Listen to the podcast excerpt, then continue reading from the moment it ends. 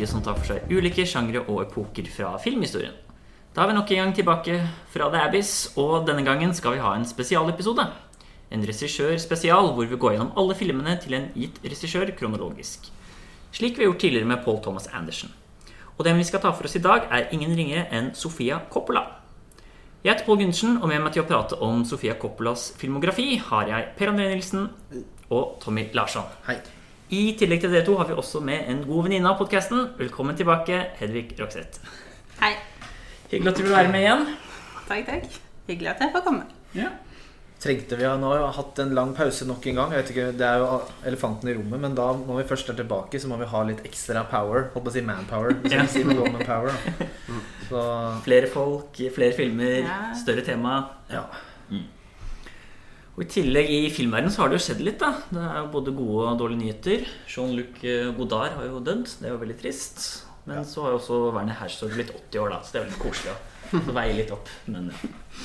Vet ikke om han er så happy for uh, han er, å bli eldre, men Nei. eh, stor markering, da. Ja. Jubileum. akkurat, Det har egentlig vært litt skuffende lite markering av det i filmverdenen, syns jeg. Men uh... Ja, han var vel på sånn liten eh, filmfestival, tror jeg. Han fikk noe kake og sånt, så gikk vel greit. ja. Eh, Men ja, vi kan jo Det blir jo da ikke sett siden sist og sånn, siden Nei. det er en spesialepisode. Men vi kan jo bare høre litt før vi begynner, om dere har liksom Ja, forholdet deres til Sofia Coppola, da. Om dere hadde sett mye før, eller ja, litt sånne ting. Kanskje Hedvig skal starte? Ja. Ikke et spesielt sterkt forhold til eh, Sofia eh, fra før, egentlig. Bare sett to filmer før vi starta på en måte kjøret frem til den her. Og en av det var Lost in Translation. Var sånn der forferdelig sette på på videregående, på skolen. Se en halvtime, og så se resten neste dag. Ja, sånne ting. Og så pause halvveis for å analysere og få inn lærerens meninger. Og, ja. Så det er jo ikke den beste måten å starte på. Et Brokete Nei. forhold til den filmen, sånn egentlig. Ja. Ja. Men uh, jeg har jo alltid på en måte visst godt om henne og sett litt sånn klipp her og der. Så det har vært spennende å kunne gjøre litt mer dypdykk. Mm. Og den andre du hadde sett, var Marie Antoinette Ja, fra før. og Ja. den var på liksom, se fordi jeg hadde lyst til å se den, men Ja. ikke i skole. Så det var mye bedre. ja. Per? Mm, hadde sett alle filmene henne og er ganske fan.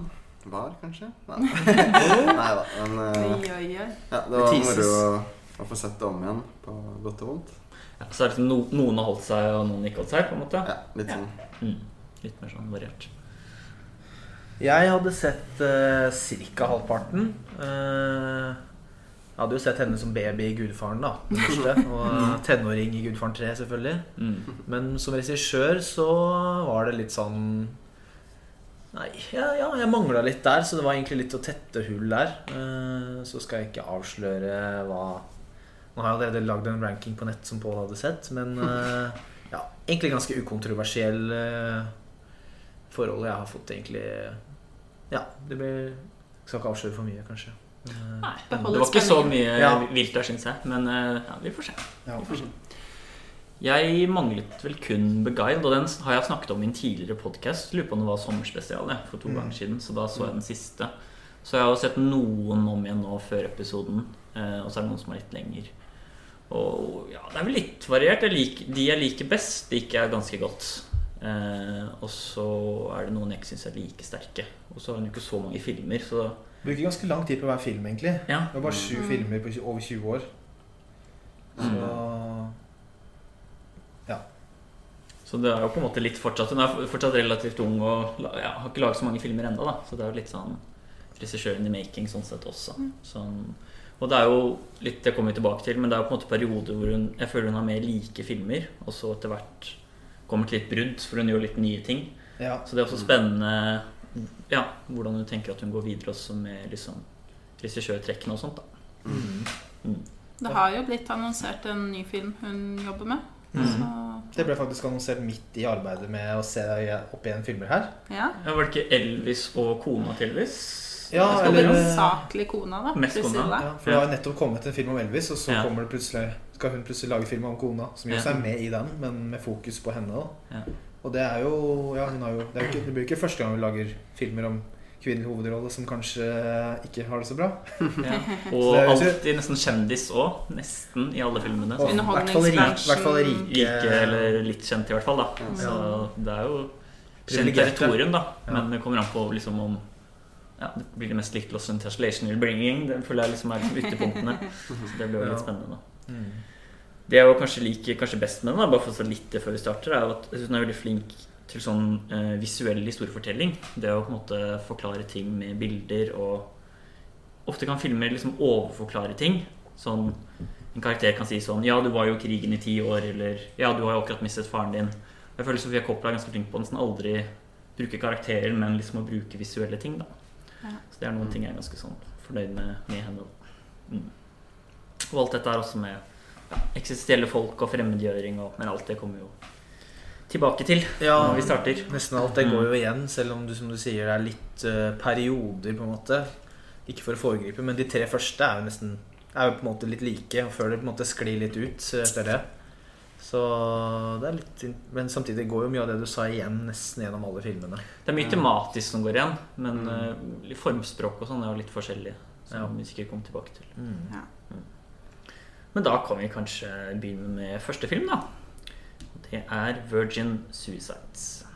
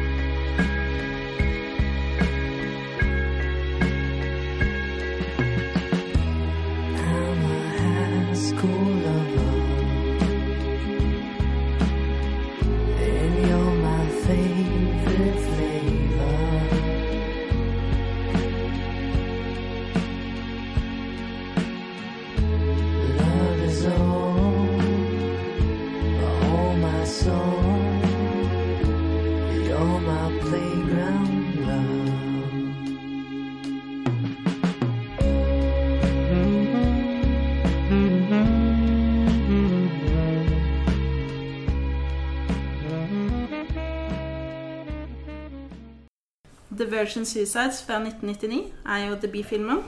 Handler om fem søstre som vi ser gjennom egentlig en guttegjeng. Mm.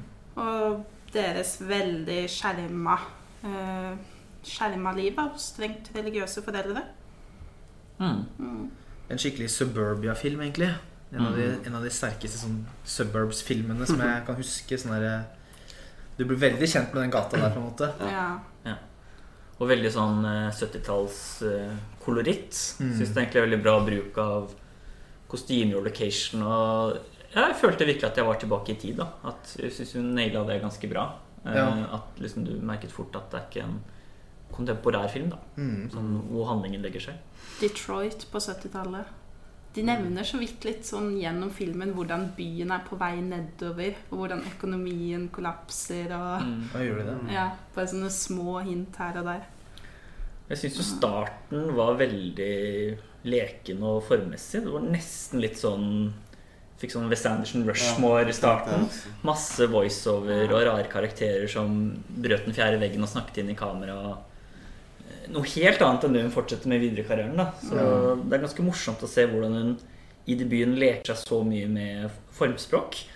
Eh, og foto var ekstremt kornete. Jeg vet ikke om du la merke til det. Men jeg, jeg måtte google. Jeg trodde det var 16 mm. Det var 35, men Ja. det så nesten ut som sånn 70-talls gritty, action-aktig de der, Alle de filmene Sean Baker ser på og sånn. Det var veldig sånn uvanlig med et sånt foto til en sånn historie, syns jeg. Så det var også litt morsomt. Det føles virkelig ikke som at 2000-tallet er rett rundt hjørnet når du ser filmen. Nei. Den var veldig tydelig og veldig egentlig ganske visuelt.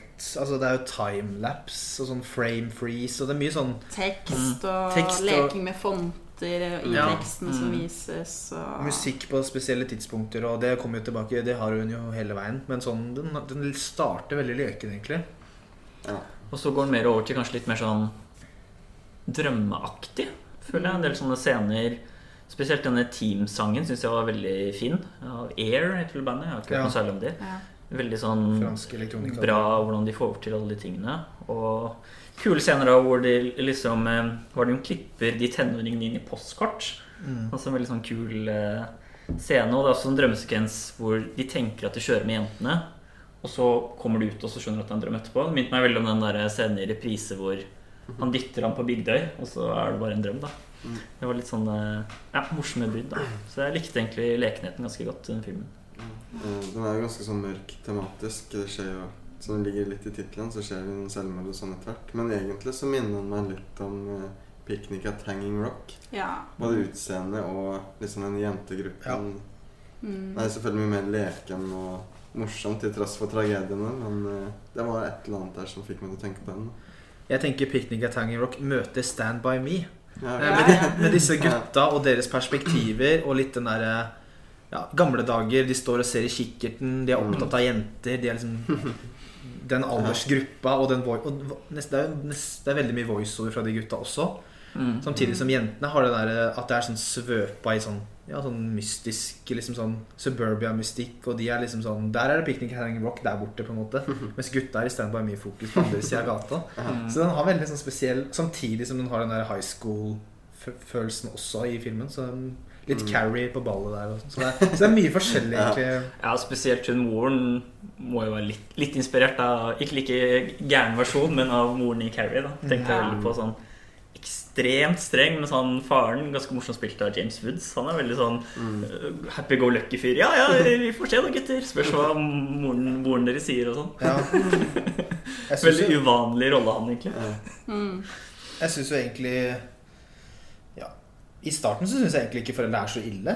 Mm. Jeg var litt sånn overraska over det. De har jo egentlig ikke gjort så mye galt her. Ja, det er med blir barna som er mystiske. på en Mm, så blir det jo verre utover, men tar egentlig, tar egentlig en stund før de de er, de er strenge, men de gjør ikke noe spesielt. Ja, men det vil si at filmen er nyansert, da, fordi uh, det er jo ikke det er jo ikke fysisk mishandling eller at de er stengt inne i en kjeller, men det er det sosiale skjerminga. Ja, og den blir jo gradvis verre. Ja, og det, den, det at de ikke har, egentlig har respekt for døtrene sine som vokser opp og skal bli voksne og ta egne valg og være selvstendige. Og det, er jo, det er jo det som hemmer dem så mye i livet. Ja. Mm. For det starter jo For det blir jo gradvis verre, og det er på en måte Det er litt ferdig med filmen nå. At den, liksom, den starter nesten litt koselig. ja. Sånn feel good Ja. Mm. komedie. Dramakomedie. Man sitter en god halvtime og bare Ja, var det sånn den var? Jeg hadde huska liksom ikke så mye av den, men så Har den festen nedi kjellerstua. Litt, Ja. sånn, litt kleint, er men koselig. Men så, så blir det ikke så koselig avslutning. Ja. ja, Men fram til det så er den egentlig ganske koselig. En sånn, veldig sånn gøy sånn De er veldig kleine og syns alt er skummelt og sånn, da. Og mange av de lekne filmatiske tingene er også på en måte litt feel good. Det er også en scene hvor når du skal på ball, så ser du liksom kameraet filmer liksom gjennom trusa. Så ser du sånn skrevet sånn hjerte på låret eller et eller annet. Ja, Ja, ja. og det er liksom litt sånn Det passer på en måte ikke inn i filmen, men det gjør den litt koselig også. Ja. Jeg føler at hun veldig prøver mye forskjellig. Så Det det, viser er sånn, det er en debutfilm. da At hun prøver mye å finne sin eget autørtrekk. Og så skal det jo liksom være at barna er litt De har fortsatt litt De har jo lyst til å leve og ha det bra. Så de blir liksom ikke så De er ikke noen depressive barnekarakterer, på en måte. De Hvis du skjønner hva jeg mener? da De, er- de er litt sånn quirky, da, egentlig. Mm. Og så er det egentlig filmen som på en måte drar dem i mer en tragisk retning. Ja, de er litt sånn ubestemmelige og vanskelig å forstå seg på. Mm. Men man tenker ikke at de er mørke og Med kanskje unntak av hun aller yngste, da. Ja, Hun virker jo ganske nedfor hele tiden. Så det er kanskje mer de fire andre som kommer mer som et sjokk. Ja. Men vi får jo aldri kommet oss ordentlig inn på dem heller. Vi ser dem alltid gjennom, eh, gjennom andre. Eller hvis vi følger bare dem, så kommer vi likevel ikke helt inn i huden på dem. De, Mm.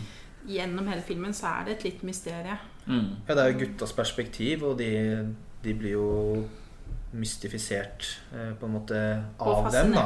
Ja. Mm. Ja, så rullerer man med så mange gutter òg, på en måte. Så du har liksom ikke én gutt som du blir nær. Nei, Heller. gutt, nei, ikke så viktig, egentlig. Nei, De er bare en ja. inngang til Mm. For det, vi får jo til og med se han ene som voksen, eh, Mm. gutten. Mm. Og det er sånn at han tenker jo tilbake. Det er derfor jeg tenker på Stand By Me. da Veldig sånn, Det var sånn det var. Hvordan var egentlig de jentene? Og Mm. Det er jo en fortelling gjennom minnene til en av de som voksen. da Mm. Så det skal jo være litt sånn man, ikke, man, må- man må like at det er mystisk. Hvis ikke så Det er jo det hele filmen går ut på. på en måte Mm. Ja. Og så syns jeg er veldig fin den scenen på fotballbanen når du sovner. Eh, ikke fin som en fin scene, men Visuelt. ja, jeg liker liksom det bildet. da Mm. Mm. Synes det er liksom sånn Det er jo da det begynner å gå nedover, men eh,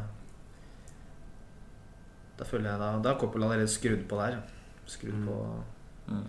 Jeg syns det er en sterk debut, da. Ja. Og så starter jo, kan jeg jo si at alle mange av de trademarkene starter jo allerede her, egentlig. Med liksom font og musikk. Duse farger og kvinnelige hovedroller, isolasjon og ensomhet. På en måte Alle de tinga som nesten går igjen i alle filmene Det er liksom rett fra starten. da Mm. Og samarbeidet med Kirsten Dunst. Ja. Hun er også med i mange. Mm. Som kan jo si at det er litt hennes muse. Ja, Ja, kanskje. Jobber mye sammen. Ja. Hun og Murray. Mhm. Så ja. Skal ikke snakke om hvor mye om det er nepotisme eller ikke, men uh, hvor mye Francis uh... Han er jo han, Er han med her, eller er han ikke før i Jeg tror Marie Antoinette han- at han Jason Schwartzman er med? Han er ikke med, for, han er ikke med i World of Nei. Suicides, nei. Nei. Det er alltid en, en eller annen slektning involvert. Ja. Det er ofte det. Ja. Må få med Cage snart. ja. Han er også med i en familie, Ja. Ja, nei. Det er kanskje første. Mm. Så det er Sterk jo- film må sies. Ja. Syns hun prøver å leke med filmspråk, og som du sier, noe tar hun med seg videre også. Så det er interessant. Ja. Men allikevel så er den også litt, litt ulik mye av det andre. At den nok den mest lekende og formmessige. Den føles Ja. på en måte ikke som det, det er nesten litt rart at det er debuten, for det er en av de mest sånn på en, måte, en av de mest sånn pirkete regissert, virker det som. Eller Mm. mest, Mm. minst slack, da. Ja, Mm. jeg skjønner hva du mener. Så det er interessant. Mm. Virker som alle likte den godt, i hvert fall. Ja. Mm. det er en del ting jeg kunne kanskje ønske at du tok med seg videre i karrieren. Ja. Kanskje noe som kommer litt tilbake i Marie Antoinette, men en del sånn lekenhet som kanskje går litt tapt. da, Ja. synes jeg. Ja. Mm. Ja.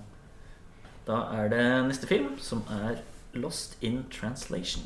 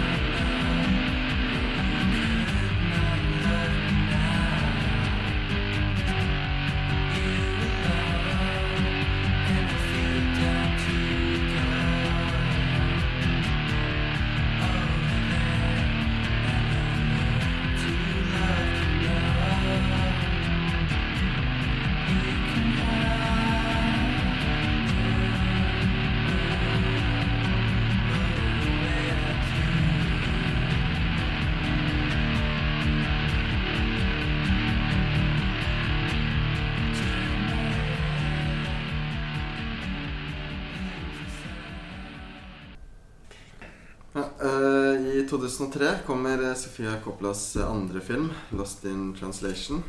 Vi følger da Bob Harris, spilt av Bill Murray, som er en eldrende skuespiller i Tokyo. Gjør noen småoppdrag eh, og PR-jobber der. Og møter da etter hvert en yngre kvinne, Charlotte, spilt av Scarlett Johansen. Så følger vi de et par, tre-fire dager, kanskje en Ja, uke. en Maks i Tokyo. Tokyo. Mm. Liten uke, kanskje. Ja. Og, ja.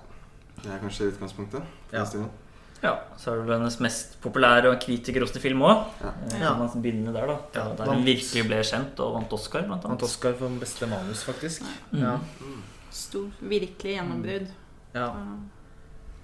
Og gjennombruddet til Scarlett Johansen. Ja, hun var jo bare sånn 18 eller noe sånt. Ja. Kjempeung. Hun var 19 da den kom ut. Så Ja. Mm. Og så er det jo, ja, handler det om fremmedgjøring i Tokyo, da. Det er jo en fantastisk sekvens i starten hvor Bill Murray kjører taxi inn i Shinjuku. Der Tommy og Hedvig eh, skulle bo på hotell. Rest in peace Tokyo-tur 2020. Og nå, eh, da kan man jo benytte anledningen til å si at nå Faktisk i morgen så åpner jo faktisk reising igjen. Så vi Ja. Skal tilbake dit. Ja. Etter å ha sett Lost Translation i går, så kom vi fram til at det er for trist å dra. Så, nei da. Det er, jo en, det, er jo en, det er jo en side av meg som er litt sånn Hvordan våger de å kjede seg her, egentlig? Drittfolk, ass. Nei da. Samtidig så er det jo veldig tydelig at de liksom Det handler jo ikke så mye, veldig mye om hvor de er. Eller det handler jo om det i forhold til at de ikke kan språket og føler seg fremmedgjort. Men hovedsakelig er det jo seg selv de har problemer med. Hvem er jeg? Hva skal jeg? Vi har en person som ikke engang har starta på livet, og så har vi en Mm. person som ikke helt vet Som er liksom sitter fast i midten av livet. da Mm. På en måte Selv om man ikke er så gammel, så er det, føles det litt som slutten. For man har jo inntrykk av at karrieren er på vei nedover. Mm. Ja. Ja. Whiskyreklame, dagene går til det, og ja. Ting er ikke på topp med familien. glemmer at sønnen har bursdag, kona sier bare 'du kan bare bli der', og sånne ting på telefon. Ja, de virka ikke som de kom så godt overens.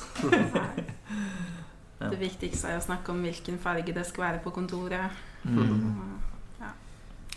Noe av det jeg kanskje liker best med filmen, er egentlig hvordan jeg føler de ganske sånn realistisk gradvis blir mer kjent. da Ja. Hvordan filmen tar seg tid til det. Det er jo kanskje noen som syns det er kjedelig, men jeg føler så ofte i sånne Hollywood-filmer er som rett på sånn perfekt flørting. Og jeg liker hvordan de liksom bare først ser hverandre på baren, Mm. så tar de heisen, så kanskje de sier hei, så er det litt sånn Ok, skal vi finne på noe? mm. At jeg liker det naturlige Når på en måte to litt sånn forsiktige mennesker møtes, da. Mm. Og hvordan de skaper et uh, nære bånd. Ja. Det er noe av det kanskje ikke aller best med filmen. Jeg har nesten glemt at uh, Scarlett Johansson kan spille sånne roller også. Så Mm. jeg syns hun var utrolig flink. Ja. Det er en litt sånn unaturlig relasjon også pga. Mm. aldersforskjellen, som også kanskje bidrar til den derre at det tar litt tid. da De Mm. er liksom forsikt, går litt forsiktig frem, fordi Ja. de er jo veldig forskjellige mennesker, både i alder og hvor de er inne i livet. Og, Mm. Mm. og kanskje Jeg vet ikke om jeg skal si klasse, men også sånn Han ene er jo en kjent eh, skuespiller, da. Ja. Så Mm. Men likevel så finner de liksom hverandre, fordi de begge står liksom midt oppi det så ukjent territoriet, på en måte. da Mm. Ja. Og har problemet Han eh, er jo ikke så veldig sympatisk heller. Jeg har ikke nevnt han. han eh, kjæresten til uh, Charlotte sin karakter karakterer. Da. Han er jo sånn veldig uinteressert i henne og på en måte forlater henne hele tiden på ting. Da. Og alltid sånn, Selv når hun sier hun vil være med, så er han veldig sånn Ja, men du trenger jo ikke være med, og du kommer jo til å kjede deg. Og veldig sånn ja, Ganske frekk med henne. da Veldig sånn avvisende. Og hun er ung og helt alene der og ja, kjenner ingen. Så det er veldig lett å få sympati med henne, da, hvordan liksom filmen er strukturert opp. Ja, selv om jeg er litt, blir litt hissig på at de er der og kjeder seg, så, så er det jo på en måte lett Man glemmer jo det etter, etter ti barnslige minutter eh, hos meg selv. Og på en måte Det er mer symbol, som du sier, tror jeg også. Ja, det kunne jeg, vært en annen by, og det kunne vært Shanghai eller New. York eller I likhet med jentene i Virgin Suicide, så er det jo på en måte litt, de litt fanga, i hvert fall Charlotte, er liksom litt fanga på det hotellrommet. Fordi hun kjenner ikke den verden utafor der og vet ikke Men man får inntrykk av at hun ville ha vært litt sånn Fordi poenget er jo at hun vet jo ikke hvor hun skal videre i livet. Hun er jo ganske Mm. misfornøyd, med sånn uavhengig av hvor hun er. Ja, det er bare at det forsterker på en måte fremmedgjøringen. da ja, det forsterker alt. Det er, jo, det er jo snakk om eh, Hun har studert, men hun gjør ikke noe akkurat nå. Hun har giftet seg, og vi, vet, vi ser jo at hun er veldig ung. Mm, Men de Mm. snakker om at de har vært gift i to år. Og, Hun skal nok være litt eldre enn det hun er. Sikkert være sånn tidlig 20-årene. Sikkert. men hun har ikke noe klar, hun har ikke noe klar vei videre. Mm. Eh, Ja, der har de også en veldig fin samtale på hotellrommet. eh, hvor hun spør vel et eller annet sånn derre Kommer livet til å bli lettere og sånn? Han bare Nei, det kommer ikke til det. litt sånn deprimerende. Men så retter han seg opp Litt opp med at jo, barna går bra, eller et eller annet sånt. da At liksom barna er målet, eller et eller annet sånt. Men Mm. veldig fin og ekte samtale, syns jeg.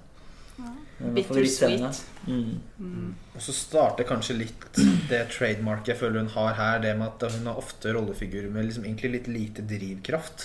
Mm. Som bare går gjennom livet.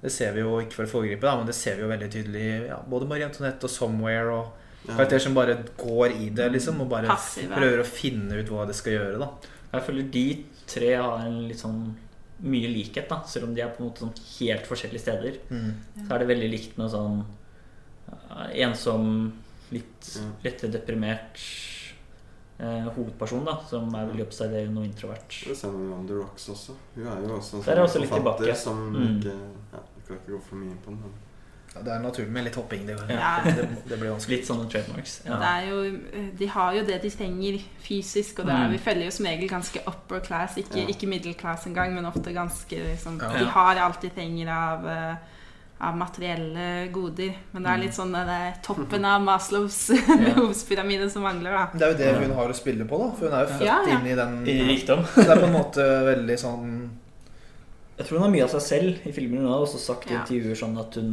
er introvert og liker å observere og ja, sånne ting. da mm, Så det er jo for så vidt greit, det. Å lage om det man kan. Ja.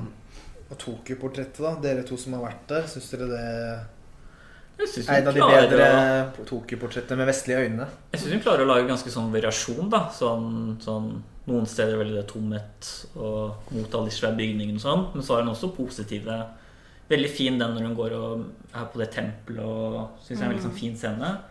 Og når de er ute på byen, er det jo ganske kult, da. Det er jo kanskje det er det mest Da er det jo hyggelig. Det er De er på karaoke, og det er sånn skikkelig kult sånn show i taket, og møter masse folk. Og... Så jeg syns de klarer å få ganske bra ja, spenn, vil jeg si. Ofte er liksom på film er enten Doko helt shoot crazy, eller liksom Jeg synes de klar, Hun klarer å nyansere det litt det, er mer. synes jeg. egentlig, det er vel egentlig ganske nedpå skildring. Selv om det er karaoke og spillemaskiner og alt det der. Ja. Så er det på en måte egentlig ganske nesten dokumentarisk. I Ja. hvert fall når vi er inne på de der spillegreiene. Ja. Så er du, Ja. ser det ikke ut som skuespiller engang. Nei, det tror jeg sikkert er litt sånn rogue-filming, kanskje. Ja. At de bare løper inn der. Nei, jeg syns egentlig filmen fanger det veldig godt. Det var jo der for fem-seks år siden. Og det høres jo litt sånn klisjé ut, men jeg husker liksom de to ukene jeg ikke var med klasse, men var alene, så er det sånn Man har aldri vært omgitt av så mange, men samtidig vært så alene. For det er jo Ja, det er ikke alle som snakker like godt engelsk, og jeg var sent ute med smarttelefon, så bare det å komme seg rundt av og til var litt sånn kronglete av og til før Google Maps. Og det er vanskelig selv for meg som kan litt av språket òg, faktisk, noen steder. For det er mange det bare står sånne japanske Ja. tegn på. Du er på en måte cosplay av Lost in Translation, egentlig. Eh, Lekt det. Jeg husker jo, jeg låste meg ikke inne på hotellrommet, men man, det var jo masse å gjøre frem til sånn klokka fem. Da, og så stenger jo alt av museer. Og, og da ble det litt sånn som Bill, Bill Murray. Man setter seg på en pub, og så snakker man kanskje lite grann med hun som sitter bak eh, disken, men Ja. hun kan så vidt engelsk. Og man sitter jo liksom litt og vimser litt om kveldene. Ja. og ikke kjenner en eneste annen Ja. med samme språket. Mm. Jeg tror sånne ferier hjelper sikkert litt å være flere, ja. Sånn sett. Mm. Filmen gjør jo egentlig mer enn jeg huska liksom overraskende mye narr av egentlig kulturen også. Eller ikke gjør ikke narr av den, men den, gjør, den påpeker veldig forskjellene, da. Ja. Litt enkle vitser der med L og L og Jeg R. skal ikke si noe, jeg. Og hun dama som kommer inn på rommet og Ja, My Stockings-greiene. Rick, Rick My Stockings. Er Rick og Lick. Ja, så det er veldig sånn Ja. Ja. Og når de sitter på en spise det, så sier jo også Bill Murray noe sånn der eh, Ta, Skjære den tåa, så noen kommer til å spise den, og Ja. Veldig sånn der eh, Det Folk nesten- spiser mye rart her. Men du føler nesten er som Bill Murray. Sånn. Han, spiller, han har nesten alltid sånne kommentarer i alle filmer han er Han med i. spiller egentlig veldig den, den Bill Murray han er kjent for her. Bare litt Ja. ja. tona ned. Men den Ja. der sarkastiske som han spiller ofte på 80-90-tallet, er egentlig nesten den samme fyren, bare litt roligere. Ja. Får litt mer sympati for han her, kanskje. At han Han er mer køddete kanskje i andre filmer. Ja. Han er, her er han køddete, men han er litt mer lag, kanskje. Mm. Ja.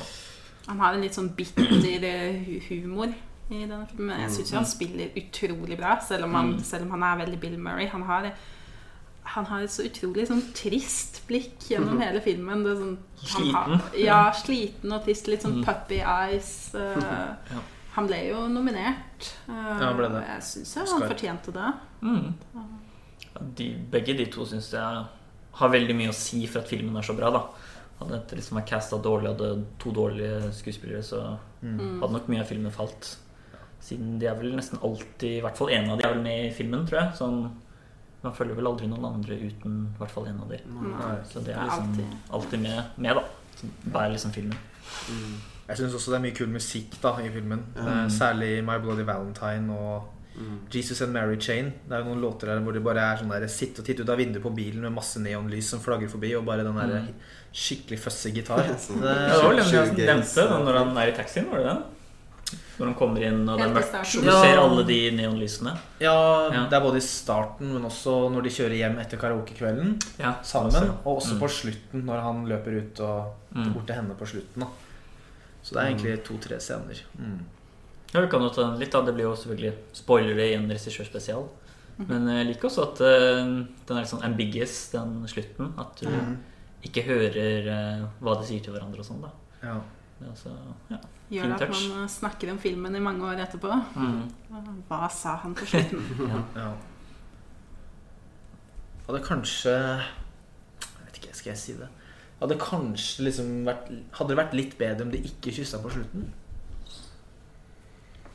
Det var jo ikke et veldig lidenskapelig kyss. Det var, jo, det, det var jo et smask, vil jeg si. Ja. Men uh, ja. Er det definisjoner, le- nivåer, levels, Ja, det er mange som Kramer ulike- sa? Jeg, jeg, jeg tror kanskje det var tredje gang jeg så den i sommer, og jeg hadde glemt at de kyssa på slutten. Ja, Ja, det hadde jeg ja, også. Hadde glemt det. sånn Da gjorde det ikke så inntrykk, da. Nei, nei. For jeg hadde tenkt Jeg syns ikke det nødvendigvis gjør så mye for meg. på en måte den, at de gjør at, Jeg vet ikke om jeg er så opptatt av det. For jeg hadde, jeg hadde ikke liksom eh, tolket forholdet deres som romantisk, på en måte. Nei, egentlig Jeg trodde det bare var sånn De fant hverandre for de hadde ingen andre Mm. Ja. Mm. der og da. Men det tror jeg det også er, da. Egentlig uavhengig av det. Men det var litt som vi snakka om i går når vi så den sammen, Hedvig, at de er venner, men det er på en måte en slags lengsel likevel etter noe som den andre har, på en måte. Eller noe sånn Ja, det er jo to ensomme, ensomme mennesker som egentlig De har jo muligheter rundt seg, men de, de går jo mot hverandre. De ser De speiler seg litt i hverandre. mm. Eh, men ja, ja Det kysset på slutten tenker jeg nesten eh, de, de gjør det nesten bare for å gjøre det. Ja. Så, det ligger ikke noe sånn Analyser nå. Det er ikke en dyp romantisk lidenskap bak. Nei, det er jo ikke det. Men det er bare Ja. For det hadde vært dårlig enig i. Liksom, Ah, nå blir vi kjærester, Ja. og nå kysser vi, og så tar vi Ja. samme fly hjem igjen. Ja, ja, ja. Nå skal vi stifte familie. Det er jo på en måte Notting. Hill-versjonen, da. Ja. Ja. Ja, kanskje vi skal gå videre. Ja. Mm. Neste film er da Marie Antoinette.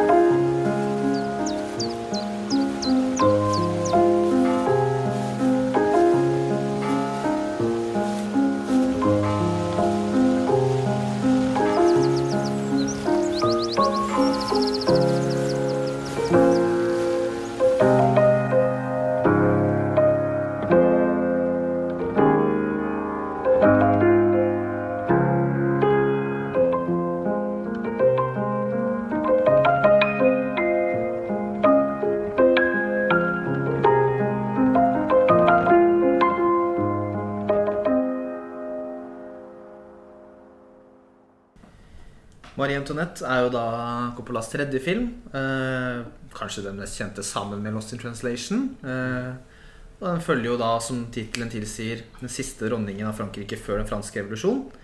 Og egentlig hvordan hennes oppvekst eller tenåringsår er, med liksom tenåringsskildring i fokus. Og, og kjent for sitt anakronistiske eh, anakronistiske stil, hvor det er på en måte mer en moderne eh, type sjanger vi følger. Med liksom moderne musikk, men også litt hvordan det oppfører seg. da Det er jo ikke, Selv om det kanskje ser ut som Barry Linden, så er det på en måte ikke Barry Linden i, inni hodene deres. Eller det er liksom en veldig ja, Ja, moderne 2000-talls uh, måte å se det på, da.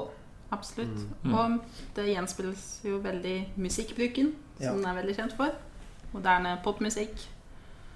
Ja. Skal inn i tenåringsjenta Marie Antoinette. Ja, Og egentlig hvordan hun blir gifta bort, og hvordan alt det der skjer i starten, skjer veldig fort. Og hvordan Egentlig ganske seriøs i starten òg. Jeg var litt sånn, jeg hadde ikke sett den før. eh, Og jeg var jo litt sånn Jeg trodde dette skulle være litt mer sånn Men det blir det jo etter hvert, da. Det bare tar litt tid, egentlig. Ja. Og, men hvordan hun takler det å bli gifta bort, og, og som Coppola sa i et intervju, hvordan det kanskje var da, for henne å på en måte Hun var jo bare en 14-åring, liksom. Og hvordan plutselig ble hun gifta bort fra et annet land. Var fra Østerrike, var det ikke det?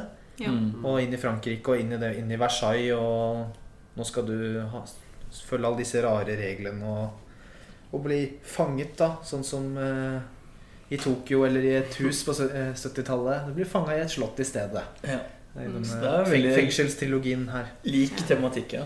Mm. Absolutt. Og føler jo det er nesten liksom hovedfilmen hennes på mange måter. Sånn hvordan liksom alt dette her foregår, og hvordan hun bruker det så et massivt hus, da, som Ja. Versailles. Det er jo faktisk spilt inn på Versailles også. Det er jo ikke studio Mm. sånt. Så det er jo veldig mye bruk av rom og ja, mennesker mot arkitektur og mye spennende rundt ting der, da. Føles som den største filmen. Mm. Ja. Ja. Masse er- ekstraer og sånn. Her har du fått mye penger eh, Ja. tydelig etter Lost Translation etter Oscaren. Og så har du valgt å lage dette her, og det gikk jo ganske bra. Jeg tror faktisk det er min favoritt. Etter, å ha sett, eh, etter å ha sett Lost Translation på nytt, så var jeg litt sånn Ja, jeg liker den godt, men jeg tror likevel Marionette dette er noe mer. Altså. Ja. Jeg tror kanskje ikke en, men den er i hvert fall topp tre for meg. Ja. fall. Jeg tror den er nummer to her, altså. For meg er den også på topp. Ja, du Eh, hermer jo kjent for å herme. Jeg hadde jo faktisk sett den før. Det går bra, det. Du. Den er, eh, den er fantastisk, og den er jo så overdådig og velter seg i, i farger og ja. Det er nesten West Wes Anderson-filmen hennes. eh, I hvert fall når det er montasjer med godteri og kaker og sko og klær. eh, Med liksom popmusikk over. Og det bare klipper mellom alt dette her. Og det er liksom sånn Uten at det blir sånn overdrevne farger. Det er fortsatt de pastellfargene jeg er kjent for, men det er liksom Koser seg i godteesken, da. I, liksom, Ja. i sukker... ka- Kakehuset. Er det noe som heter det? Ja, noe som heter den nå? ja det er det. Og så syns jeg filmen også klarer å få veldig bra fram hvor alene og ensom hun er, Mm. på tross av så mange rundt. da Ja. Da kanskje er hun klarer det aller best, og du får virkelig sympati med henne. Og som du sier i starten, hvor hun er litt sånn Sånn fæl, på en måte. De liksom står rundt sengen hennes når de skal legge seg, og hun våkner med at liksom 20 folk står rundt og skal kle på henne. Og Hvis det kommer en invaderer henne liksom Ja. av privatliv. da Jeg Ja. hadde hata det. Man tenker veldig at de er så rike og de har det så bra, men hun klarer jo virkelig å få deg til å synes synd på henne. da Ja. Hun skal være sånn en slags Hun skal jo egentlig bare være et avlsdyr for Ja. å få frem den neste kongen. Ja, alle disse absurde reglene om hvem som skal ta på klærne og sånn. Hvis det kommer en ny inn i, inn i rommet, så må hun ta på Ja, Det er jo egentlig veldig morsomt. Det er, det er kjempebra humor. Ja. Når de liksom, ja, nå er det en annen som har høyest rang. Som det er sånn, Ja, Nå må vi slutte alt det vi gjør, og bare starte fra scratch. Ja. Og når du spiser, og du skal egentlig bare være høflig og prøve å smalltalke og sånn Ja, du liker nøkler? Ja. Du syns det er gøy? Og han bare Obviously. Så han meg, det bare sånn Ok, Han der døde den samtalen. Jason Schwartzman tror jo nesten også han er i Rushmore eller et eller annet her. Ja. Eh, Ekstremt introvert og Ja. forsiktig. Og Sånn kanskje keitete. aseksuell. ja, det òg. Ja. Veldig keitete og spiller egentlig veldig bra. Selv om jeg har sett han så mye i West Anderson at jeg tenker nesten bare på han som en Wes Anderson-karakter. Ja. Ja. Men hvis du ser bort ifra det, så spiller han veldig bra som en sånn keitete, ung eh, ja, tronarving. da Som ikke aner hva han driver med, og egentlig burde gjort noe helt annet. Ja. Og så er det jo det at hun begynner å på en måte bruke slottet og rikdom til sin fordel etter hvert. da Ha disse store festene og egentlig bare Ja, litt som i eh, Lost Translation da og filmer som kommer senere, at de bare blokkerer ut alle distraksjoner og bare gjør det de vil. Og tenker kanskje ikke helt på hva de vil i livet, men bare bruker de midlene og de pengene de har, til å bare Hun har jo ikke annet å finne på. Nei. egentlig. Det Mm. er veldig begrensa hva hun kan gjøre. Ja, vi får jo liksom disse festscenene, men det jo klippes fort til liksom sånne ensomme scener hvor hun går jeg liker veldig godt de der nattscenene, eller liksom nachspiel-scenene, hvor de Mm. går langs vannet der. Festa hele natten. Og det kommer ofte noen triste låter liksom på slutten, ikke bare liksom partylåter. eh. Det minner jo litt om en nyere film, 'Spencer', som kom for ikke så lenge siden. Mm. Der er det også mye det å være alene i store, store haller og luksus, og, Ja. men være Ja. veldig begrensa. Marie Antoinette er bedre. Bare at, ja, for at i Marionette så føler jeg det er enda mer liksom utzooma og liksom viser hvor stort alt er, og hun er så liten i det store. Mm. I Spencer var det kanskje ikke like mye på det. Der var det mer sånn skuespillfilm, på en måte, kanskje. Ja. Ja, det er jo syns jeg også kanskje den vakreste filmen hennes. Sånn Mm. ja, det syns jeg. foto og ja, mise og ja, alt sånt. Kostyme, selvfølgelig. Det er brukt mye, mye penger på det. At jeg syns. Veldig fin film. Helt fantastisk. Det er en scene hvor hun bruker veldig lang tid på å gå opp en veldig stor trapp. Mm. Og så kameraet holder det veldig lenge. Så det er veldig sånn Det er for liksom definisjonen på hvor liten hun er i det store, liksom. Mm. Og så syns jeg han har noen fine overganger òg. Det er et klipp hvor de har middag, og så sitter liksom folk og prater negativt om henne. Og så klipper det til at hun står på balkongen alene og ser ut, men samtalen fortsetter. Mm. Så det går på en måte over i enten sånn baksnakking eller at hun da kanskje tenker at de snakker sånn om henne. Da Så Da var det litt sånn Litt tilbake til Virgin Suicides, sånn morsom Mm. klipping. Selv om det ikke er så mye av det, så var det sånn grep jeg likte ganske godt. Og det er også den scenen hvor de får en lege til å prate om liksom, hvorfor de ikke får barn. Og, spør, og da liksom går kameraet bare bortover og forbi de og bare stopper opp på den svære, tomme sengen. og bare holder der mens han snakker sånn eh, Are your body all right, sir? Det er liksom morsomme sånne grep. da Mm. For liksom virkelig sånn ja, visuell historiefortelling da som jeg syns hun er veldig god på. Ja. Den har, med, den har eh, mer av de lekene som var så mye av i Virgin. Også det er litt sånne innskudd når hun let them eat cake, eh, som aldri Ja. ble sagt. Mm. eh, At hun bare sånn kjapt lite innskudd. Mm. Mm. eh, Litt sånn Det er på en måte en av de mest lekne, men også en av de mest alvorlighetstunge filmene. på en måte mm. Samtidig, da. Både der, Vi får vel høre den der I Want Candy-låta Ja. mens de driver og fester. Og så etterpå så er det det der liksom Ja, se så kjipt jeg har det her. på en måte Mhm. Ja. Jeg klarer å balansere fint mellom begge deler. da Du har sånn ups and downs når du ser den. Mm. Mm. Og så er det jo ja, ender det jo selvfølgelig da med noen litt sinte borgere, da, som vi ikke har sett i det hele tatt. Filmen er jo så lukka at de er jo helt uh, De er De lever på en annen planet. Ja, de er bare bakgrunnsstøy. Og når de da kommer på slutten, så har de sånn fjerne forventninger til hvem disse folka er. Mm. Og når de da må Filmen ender jo med at de må dra fra slottet. Så får vi jo etter det sett shot av, shot av eh, nesten som i Vortex, som vi nylig så, at det bare er tomt i slottet. da Ja. Mm. Det syns jeg er en litt kul slutt. Er ikke det også i Virgin Suicides også? Ganske sånn tomt i huset. Det er mulig. Det er, Jo, det er noen Der også. tomme Som faktisk gjør det om igjen. Et, eh, for de flytter jo de foreldrene. Sant, det. Så de som filmer det. Mm. faktisk. Eh, Asia Argento er jo sånn kobling til Vortex. Mm. Dattera til Dario Argento er med i filmene. Oh, ja. Jeg elsker inna til Ja. eh, Hun hissige. Ah, Mm. ja. Er det sånn det var? Ja, riktig. Det er dattera. Mm. Ja. ja. Nå, nå i disse dager som vi sitter og ser på uh, House of the Dragon, så er det nesten sånn at jeg, mye, av det, mye av den bickering eller mye av den der eh, drittslenginga vi får se i denne filmen, Mm. er nesten sånn jeg skulle ønske det var i House of Dragon. Der jeg ikke, jeg vil ikke snakke med henne, og når de går forbi hverandre i gangene der, så er det sånn skikkelig sånn bra sånn drama. The politics of court. Ja, ikke sant? Mm. Så ja. Og dette blir jo også på en måte en ekstremversjon, for de er jo så absurd overdådige. Sånn. Det må på en måte være noe av de mest dannede menneskene som har vært i menneskets historie, nærmest. ikke sant? Ja. Det er helt sånn ja, Alle fordommer skrudd opp til maks. Liksom. Så det gjør det veldig gøy. Og hun er jo på en måte en ganske sånn fri sjel, så det blir så veldig kontrast da Mm. til veldig mange av de som jobber ja, Syns de også spiller ganske bra. Sånn, man glemmer litt de, men syns de også mange av de spiller bra, da. Som er sånn ja, ekstremversjon av høflighet. Ja. Og så er det kanskje, Unntaket unntak av Barry Linden, en av de beste kostymedramaene, egentlig. Uavhengig av når, det, av når liksom. ja. Jeg syns jo det. Ja. Kan ikke huske å ha sett en annen film som fanger den der rokokko-overdådigheten på samme måte. fall. Mm. Mm. Jeg liker så veldig godt hvordan det på en måte trekker linjer mellom ja, antrekkene de har på seg, med de franske søtsakene. Mm. De er så like. Så Mm. det er kjempefint å se på. Produksjonsdesigneren har kost seg her. Ja. Men eh, jeg syns det er en ganske nær eh, perfekt film, nesten. Altså. Så, den er utrolig bra. Han er i topp tre. Også den lengste filmen. Altså. For de fleste er sånn Korte. 95 min. Ja. Denne er vel over to timer. Mm. Litt over. ja. Men ikke kjedelig likevel, syns jeg. Og en veldig god, Mm. eh, god rolletolkning av Kirsten Dunst. Mm.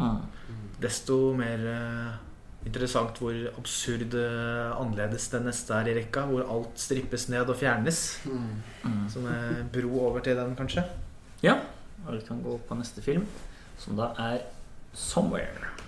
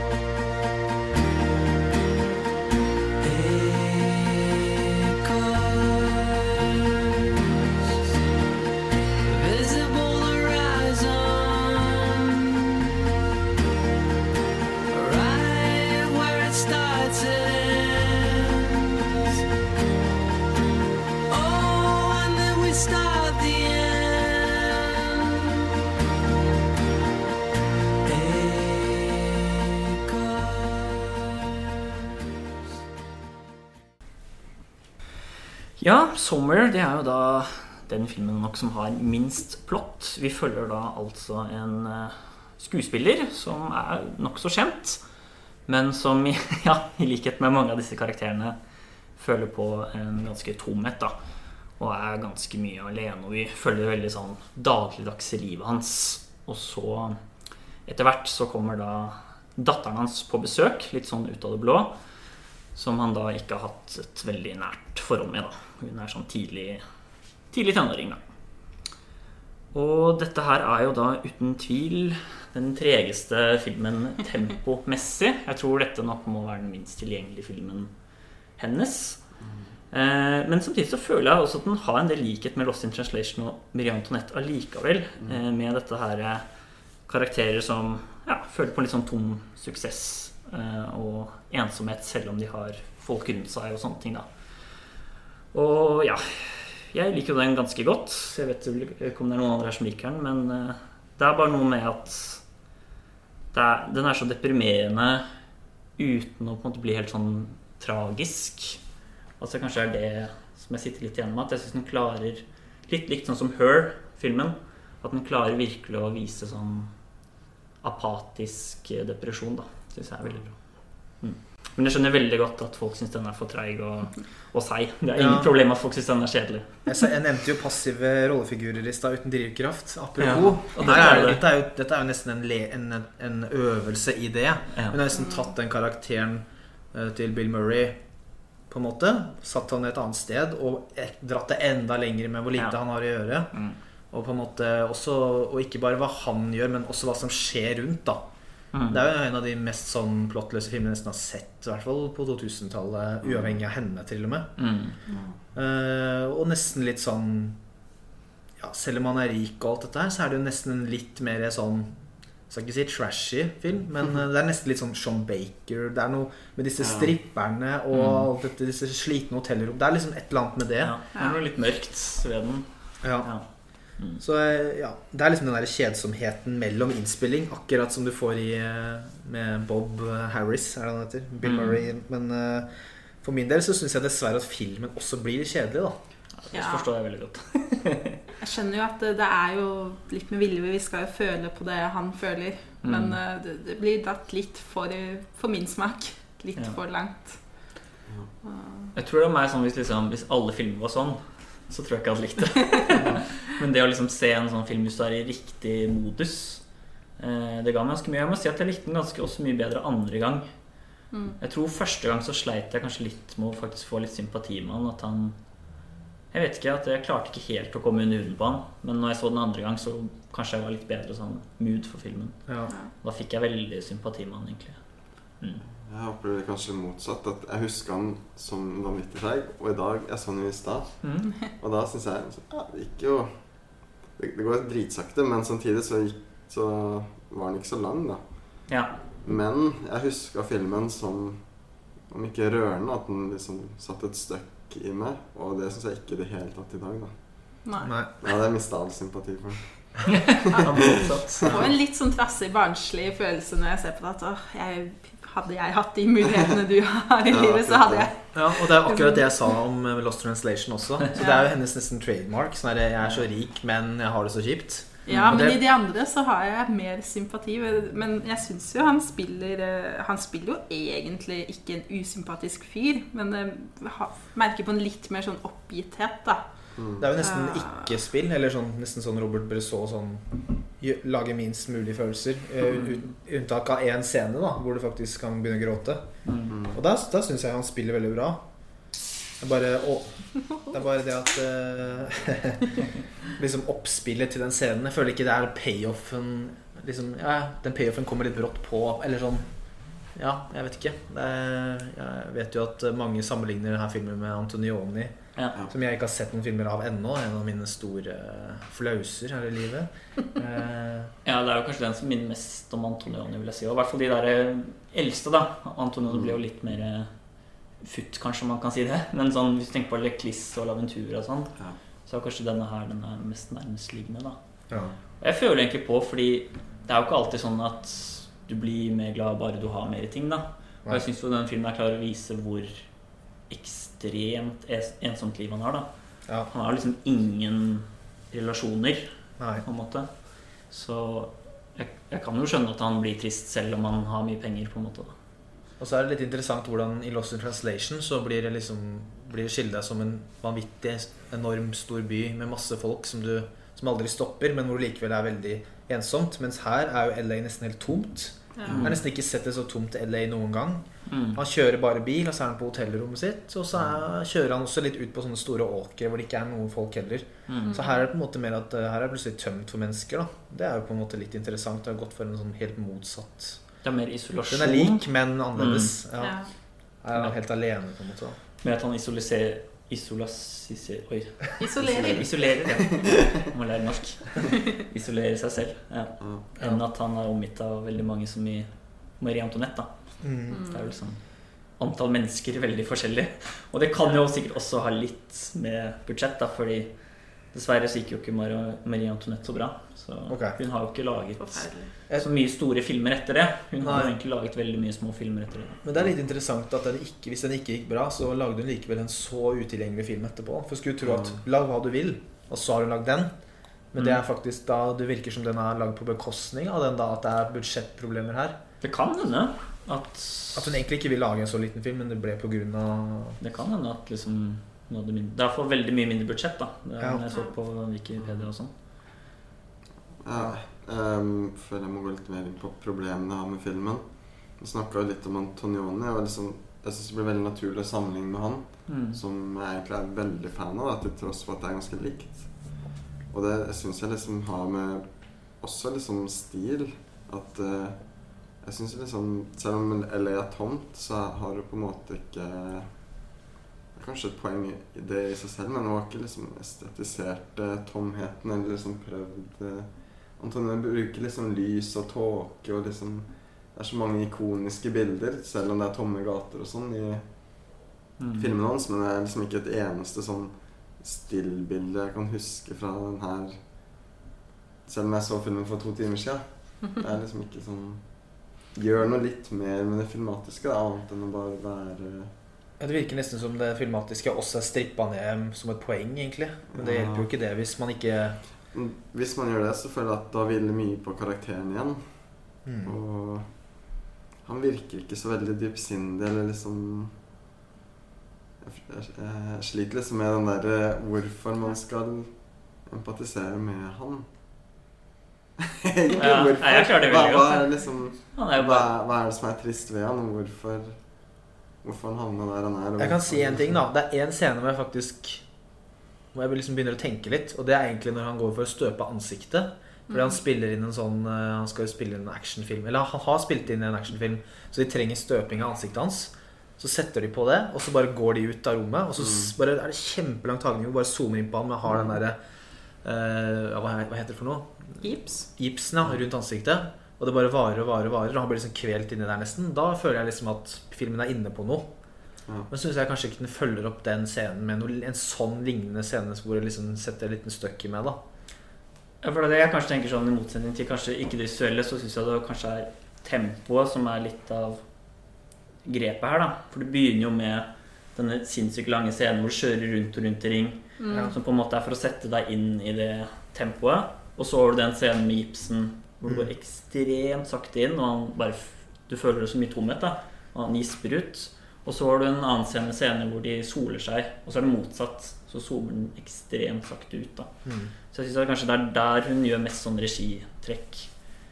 Gjennom den litt sånn, litt sånn transeaktige atmosfæren. da At jeg syns det er det som gjør at filmen funker. Og så er jo det med at man får sympati eller ikke, er jo selvfølgelig kjempeviktig. Fordi hvis man syns han er teit, så faller jo veldig mye av filmen, filmen gjennom. Hvis jeg bare, jeg bare følte at han er så trist, og han er så flink til å spille ja, deprimert og apatisk. da At Mm. liksom, Du har jo forskjellige personer. Du har liksom den tragiske Anders Danielsen Lie i Oslo 31. august. Du har han som går inn i galskap, Taxi Driver, Robert De Niro. Men så jeg føler at du kanskje er litt mer sånn ja, Bare den der meningsløsheten, da. At han liksom virkelig klarer å spille den bra uten at det er liksom store Men jeg syns liksom ikke på en måte Jeg syns liksom ikke livet hans er så meningsløst heller. Og at forholdet til dattera heller ikke er så tragisk som det kanskje burde vært. For det liksom Jeg syns jo ikke forholdet hans til dattera er distansert. Hun sier at han er borte og sånn for mye, men likevel så gråter hun når han skal dra fra henne og sånn. Mm. Så hun er jo åpenbart glad i henne, og han har jo faktisk henne, da. De har det ganske det koselig Ja, jeg syns jo de sånn spiller PlayStation sammen og De spiller faktisk Wii, Per. og er, ja, men Poenget mitt er liksom Jeg syns jo de scenene de er sammen, faktisk nesten er mer koselige enn deprimerende. Jeg ja, syns ikke forholdet er så gærent. Nei, men det er jo det som er jo litt av den lille plottet som er i filmen. da At før det så er han jo helt tom. Men når hun kommer, så kommer han jo gradvis mer ut av transen sin. Og på tross av at filmen er så trist og deprimerende, så har den jo nesten en happy ending. At han liksom virker som han ja, Ja, går fra, går fra å liksom føle seg litt mer uh, positiv, da. Så jeg tenker jo det er litt av poenget med filmen òg, da. At de ikke har så dårlig at hun får litt, at gir han livsgleden tilbake igjen, da. Ja. At det er litt av det lille pottet som er i filmen. På en måte. Ja, jeg hører hva du sier, og er på en måte enig, men jeg bare syns ikke det kommer så godt fram, kanskje. Men den er kanskje litt uh. Ja, det er, mulig, det er jo mulig at på en måte det er litt sånn gravd dypt nedi der, men det kan jo også være, være noe å problematisere, da. At man må liksom Ja, jeg vet ikke. Det, det, ble, det ble ganske utilgjengelig for meg, egentlig. Vi var kanskje litt for trøtte da vi så den. Jeg husker jeg holdt på å sovne samtidig med Ikke han. si det, da. Under de, under de snippescenene. Ja, da sovna ikke jeg. Da våkna Tommy. Hoppa i sofaen. Ja, de scenene eh, lo jeg egentlig av. Det, det var litt Varte sånn veldig lenge. Ja, og så kommer det når den kommer for andre gang også. Ja, det var veldig Sean Baker som du sa. Det Ja, passer veldig bra. det Ikke tenker- jeg sånn tenker jeg. Ja, ja det For det skjer først én gang, og så skjer det noe annet i mellomtida. Så tenker du nå skal sikkert filmen starte, men så får vi enda en sånn scene. Mm. Så det, Der syns jeg for så vidt det understrekes hvor lite han har å gjøre. da Mm. Største problemet for meg er rett og slett bare at jeg kjeder meg litt. Altså, at det skjer litt for lite. Og jeg skjønner at det er poenget, men ja, jeg vet ikke. Det, Nei, men Det skjønner jeg veldig godt òg, for det er, jo, det er jo derfor jeg tror Og jeg- og jeg er så sitter- lite populær og jeg sant? sitter jo ofte og skriker til skjermen at jeg vil, at jeg vil ha mer dveling. Hold det, hold det. Og her vil jeg på en måte ikke det. Eller jeg vet ikke. Det er liksom sånn Det er ikke interessant nok, det som skjer, da. Men jeg, nei, er, jeg tror kanskje vi litt på Som jeg sier, både stilen og karakteren. For han får det til, eller hun får det til i andre filmer, da som Mm. er i lignende situasjoner. Ja, Det er jo på en måte som jeg sa i stad, en- nesten en øvelse i det hun har gjort i de tre første. Bare dratt til det ekstreme. Nå skal vi bare ha det, ikke noe rundt. da Ja. Det er nesten sånn, sånn case study av eh, ensomhet uten at det skjer noe. på en måte Det er på en måte litt sånn når Malik lagde den trilogien sin, nesten. Bare sånn ikke noe prating og drar formen skikkelig langt. Ja. Det er jo nesten litt sånn at hun ja, stripper det og går så sakte at hun på en måte Ja, virkelig mange faller av også, da. Mm. Men denne, det er fem minutter i filmen hvor jeg faktisk syns det er sånn ordentlig bra. da Det er egentlig når han er i Italia, Mm. og når han er på den prisutdelingen. Da er jeg rett tilbake i Lost in Translation. Da. Ja, ja. Men det, alt foregår på italiensk. Det minner om det. Ja, filmen er ikke teksta, så vi skjønner heller ikke noe, vi som ser. Og så blir han dratt opp på scenen, og så tror han at han skal holde tale. Så kommer det sånn lettkledde damer fra alle kanter Ja. og danser rundt han med musikk.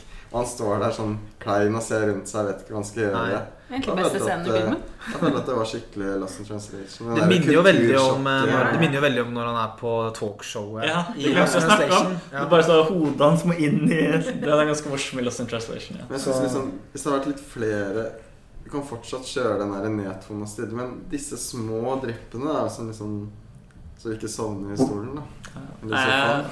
jeg er uenig, fordi jeg syns det er på en måte styrken i filmen er egentlig tempo. Altså. Og jeg skjønner at folk blir liksom oppgitt av det, men som jeg sier så lenge du liksom har én sånn film, så syns jeg egentlig det blir veldig bra. da Hadde alle filmer vært sånn, så hadde det nok blitt for tørt. Ja. Men jeg liker veldig godt at hun på en måte ja, drar Lost in Translation og Marie Antoinette til det ekstreme og egentlig bare fokuserer mer på at det er bare trist og mørkt, egentlig. da At det er ikke så mye Det er ikke så mye annet å hente. Mm. Men ja, det virker ikke som vi ble enige om den her. Det er vel ikke, poen, det er vel ikke poenget heller. Nei, jeg tror de fleste er enige med dere òg, så jeg vet det er i mindretall. Men eh, for meg er den, er den liksom Det er bra. nesten der oppe ved Lost in Translation. Og, Ja.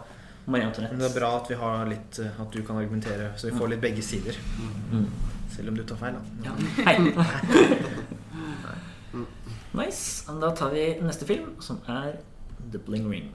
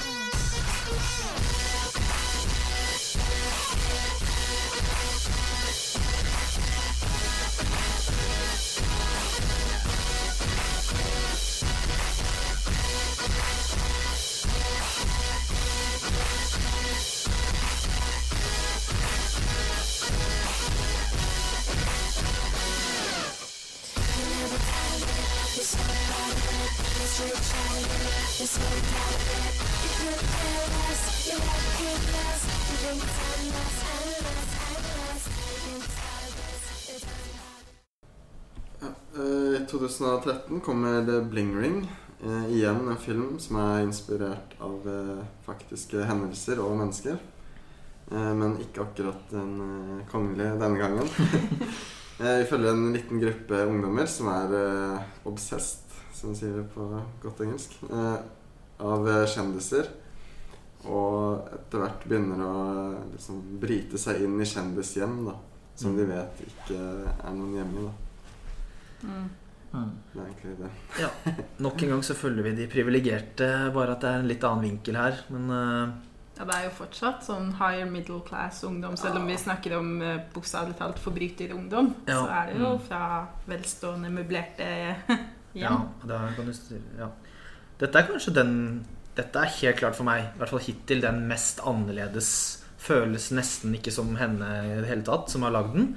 Det skal jo sies at det er den første og eneste filmen skutt digitalt Mm. av henne. Alle de andre er på film. Eh, og den går jo for en litt sånn tidlig 2010-talls MySpace-estetikk, eller hva jeg skal kalle det. Og den, det synes jeg Eller den går kanskje ikke for det, den er bare lagd da, og så henger det veldig igjen. da Så jeg føler filmen allerede har blitt nesten en sånn periodefilm. Sånn 2010-tall, tidlig 2010-tallet periodefilm. da Så den føles nesten allerede litt utdatert for meg, faktisk. Eh, og er nok den jeg liker minst av alle filmene hennes. Selv om jeg på en måte syns ideen kanskje er litt morsom, men ja, det er problemer med karakterer og andre ting som gjør at jeg ikke er så opptatt av filmen, egentlig. Kanskje jeg må si med en gang at jeg også tror dette er den jeg liker minst. Ja. Ja, jeg tror kanskje det òg. Er det er i hvert fall den som du Jeg er helt enig i at den er ekstremt annerledes. Og det er kanskje nettopp fordi at hun dro sommer på en måte så langt hun kunne. Og er bare sånn nå skal jeg gjøre noe helt annet. Og dette her er jo Det er jo nesten satire, vil jeg si. Altså det er jo virkelig sånn De spiller jo sånne hva skal man si, LA-bimboer. Valley. Girls. Så Valley Girls. også, eh, veldig sånn Hun pleier ikke å være så politisk, men jeg føler at hun er ganske sånn direkte inne på kjendiskultur og Mm. obsession, og at hun Selv om det kanskje ikke er så interessant nødvendigvis, det hun vil si, så føler jeg kanskje dette er nesten den filmen hun vil si mest. Sånn ja. ut ifra Samtidig som jeg føler du egentlig bare viser det uten å egentlig stille noe spør uten å stille noen interessante spørsmål. Jeg syns hun gjør litt narr av det, nesten. ja, Men ja. Ja, hun gjør jo narr av det, for det er så, det er så overdrevne aksenter, Ja. hvordan de prater og sånn. Oh. Men det er liksom flere scener av filmen som nesten mer føles ut som en Ja Hvor de, prøver, hvor de bare prøver å lage en dårlig film, da. På en måte. Ja, den er jo den styggeste visuelt, syns jeg òg. Og det er ikke bare på det digitalt, men det er litt sånn Det er ingenting dveling i Nesten ikke noe sånne bra komponerte bilder. Ja, det er ett et shot, er ett shot av et et hus shot. på avstand uh, som er litt kult. Det er ekstremt bra. Det er kanskje sånn topp tre Sofia Coppola-shot, syns jeg faktisk. Ja. Når du ser de raner en toetasjes villa i, midt på natten, Ja. og kameraet går sånn ekstremt sakte inn, og alt er i et langt take. Den er veldig kul, men Ja. bortsett fra det så er det ikke mye å skrive hjem til. Skulle vært i en annen film. Da, det der.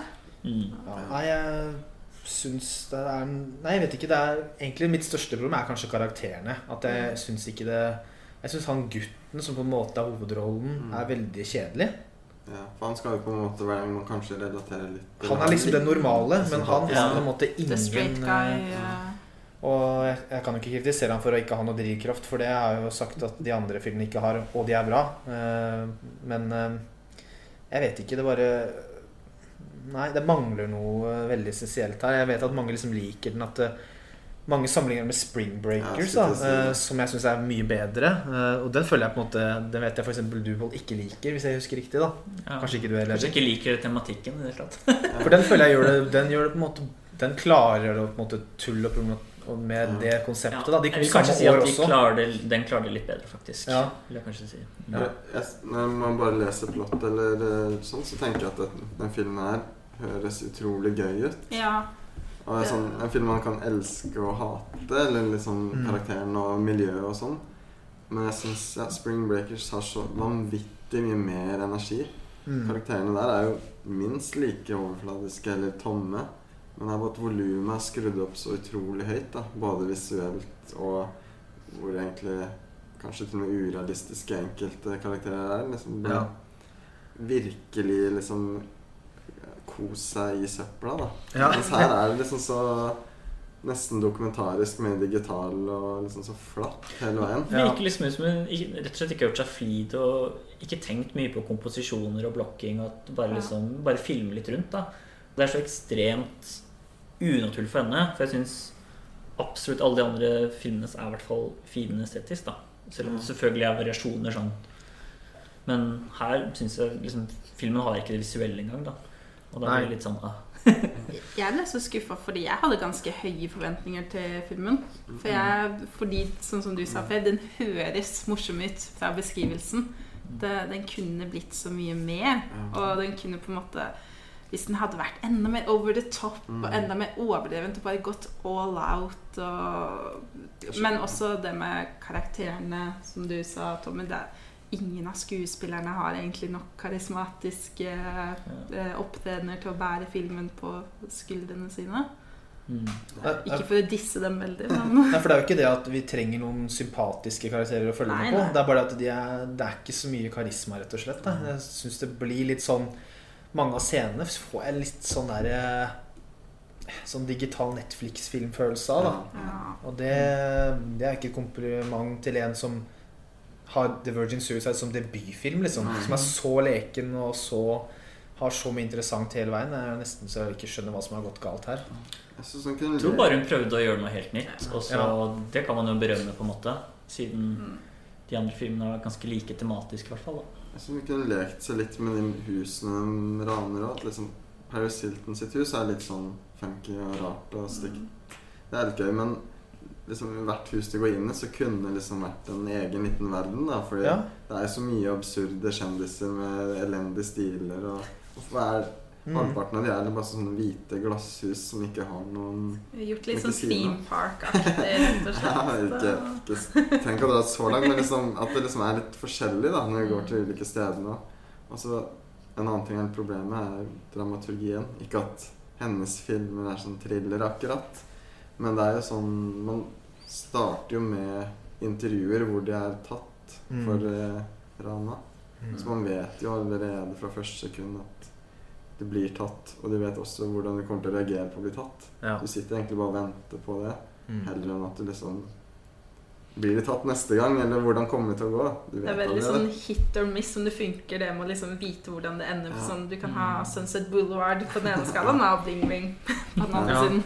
Og Det er det, ikke noe mysterium om hvordan de ender opp der heller. Det, det er sånn som i Billy Wilder. Liksom. Hvordan endte jeg opp her? Mm. og i Virgin Suicide så er det jo også sånn at det starter med i hvert fall delvis Eller de Ja, sier vel til og med rett ut at alle, Ja. med alle jentene der. Og det funker jo. Og der er det jo ikke noe problem i det hele Det er et skikkelig mysterium. Som Så- kunne det gå så galt? Nei, det er, det er rett og slett det at det er så annerledes og bare Den estetiske stilen og skuespillet og alt. Det er, bare liksom, det er liksom ingenting som leverer for meg egentlig der. Det er jo på en måte Ja. Den, den må dra det lengre, rett og slett, for at det skal fungere. Spring Breakers er et godt eksempel på det. da Mm. Som du sa, kos deg i trashen. Det er jo noen litt kule scener på slutten hvor de danser eller noe sånt på, Ja, diskotek. ja, på diskoteket der, men Nei, det Litt mer slow motion, litt mer lys og farger. Kom igjen. Ja, nei, det, det er, jeg vet at den her har sine fans og mener at den er liksom så personlig for Coppola og sånn, men uh, jeg ser ikke helt det, altså. Det er litt dumt vi ikke hadde en stor fan her, men uh, Det høres ikke sånn ut. Den er jo veldig annerledes, da. Så det er jo litt sånn hvis, hvis du liker de andre, så ja. får man ikke så mye av det man liker. Nei, det er jo på en måte noen av fellestrekkene, men de er jo på en måte såpass vage. Liksom det at det er kvinnelige hovedroller, og at de er rike og Ja. ikke har så mye å finne på, det går jo veldig igjen i alle filmene. Men ja, her er på en måte det, det materielle tatt til det ekstreme på en annen måte enn 'Somewhere'. Det er lov å ha en liten dupp i kvalitet, Mm. får vi si. Kommer an på hvordan hun gjør det videre. Ja. Mhm. Er bare en siste ting. Det Ja. minner veldig om en, Ivrig, om en annen film som også er veldig digital og stygg på samme måte, men som er veldig bra. Det er Pain and Gain av Michael Bay. Den anbefaler. Ja, Den har jeg jo ikke sett, men jeg, Nei, jeg, jeg. vet at minner om, men mye mer gøy. Ja. Men, men Michael Bay har jo på en måte Etter Transformers-filmene så har han liksom fått en litt sånn Jeg vet at de siste filmene hans Jeg har ikke sett den aller siste Ambulance, men jeg ser mange nevner at den er, som foto er dritbra, og at det liksom starta litt med Pain and Gain. eller- Det er mange som i hvert fall Ja. Han har fått litt sånn derre Men det er også sånn kriminelle i LA. ja. Mm. Som, ja, det er sånn bodybuilder-miljø isteden, da. Men, eh, ja. men samtidig LA. Da. Nå fikk jeg lyst på et videoessay der du setter opp Sofia Coppola mot Michael Bay. ja. Få på en YouTube-kanal. Forskjellig blikk på kvinner. Mm. Ja. Nei, sorry hvis det er noen Bling Ring-fans der ute, men eh, Da er det ja, ny film. Og det er The Beguiled.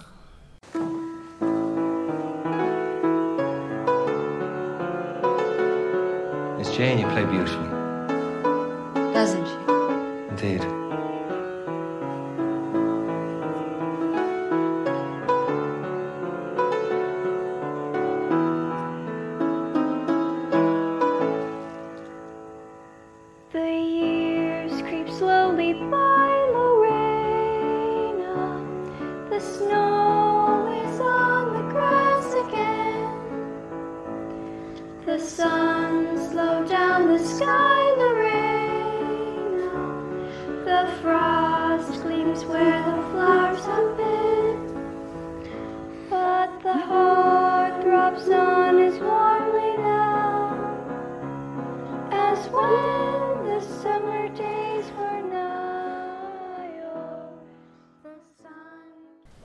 Ja, i The Beguiled så er det noe helt annet igjen enn The Bling Ring. eh, For min del for det positive. Eh, Her følger vi en skada eh, yankee-soldat fra nordstatene som har rota seg ned i sørstatene i Virginia. Og som ender opp i et Ja, det er jo en slags jenteskole, egentlig. En sånn privatskoleaktig herskapshus med mur med, Ikke mur, men gjerde rundt. Og han blir tatt vare på der for han er skada. Og så starter på en måte et litt kammerspill der inne. da, egentlig Forholdet mellom de forskjellige, forskjellige damene som eh, holder til der. Og det er jo både Nicole Kidman, Kirsten Dunst og Elle Fanning eh, blant annet. Så det er et ganske sånn stjernespekka galleri også. Det er jo egentlig utgangspunktet for den filmen. Uh, vet at, har registrert at det er faktisk en av de mange hardcore Sofia Coppola-fans liker den ikke. Mener at den er liksom upersonlig for henne. At her er kanskje en av de første til nå hvor vi ikke kan se de der linjene vi har prata om. Men jeg syns dette er en stor opptur. eh, Største oppturen siden Marie Antoinette, for min del. Så jeg syns den egentlig var Vi har jo snakka litt om den på podkasten før, men jeg syns den er eh, både visuelt ganske interessant, og jeg syns den er spennende. Egentlig ganske spennende òg. Kanskje en av de mest- mest spennende filmer. Til tross for en slow burner. da. Mm. Det går ikke fort her. Nei da. Går Gå fortere enn eh, 'Somewhere'. ja, ikke stille på samme måten. Men eh, han ligger stort sett i senga i to tredjedeler av filmen.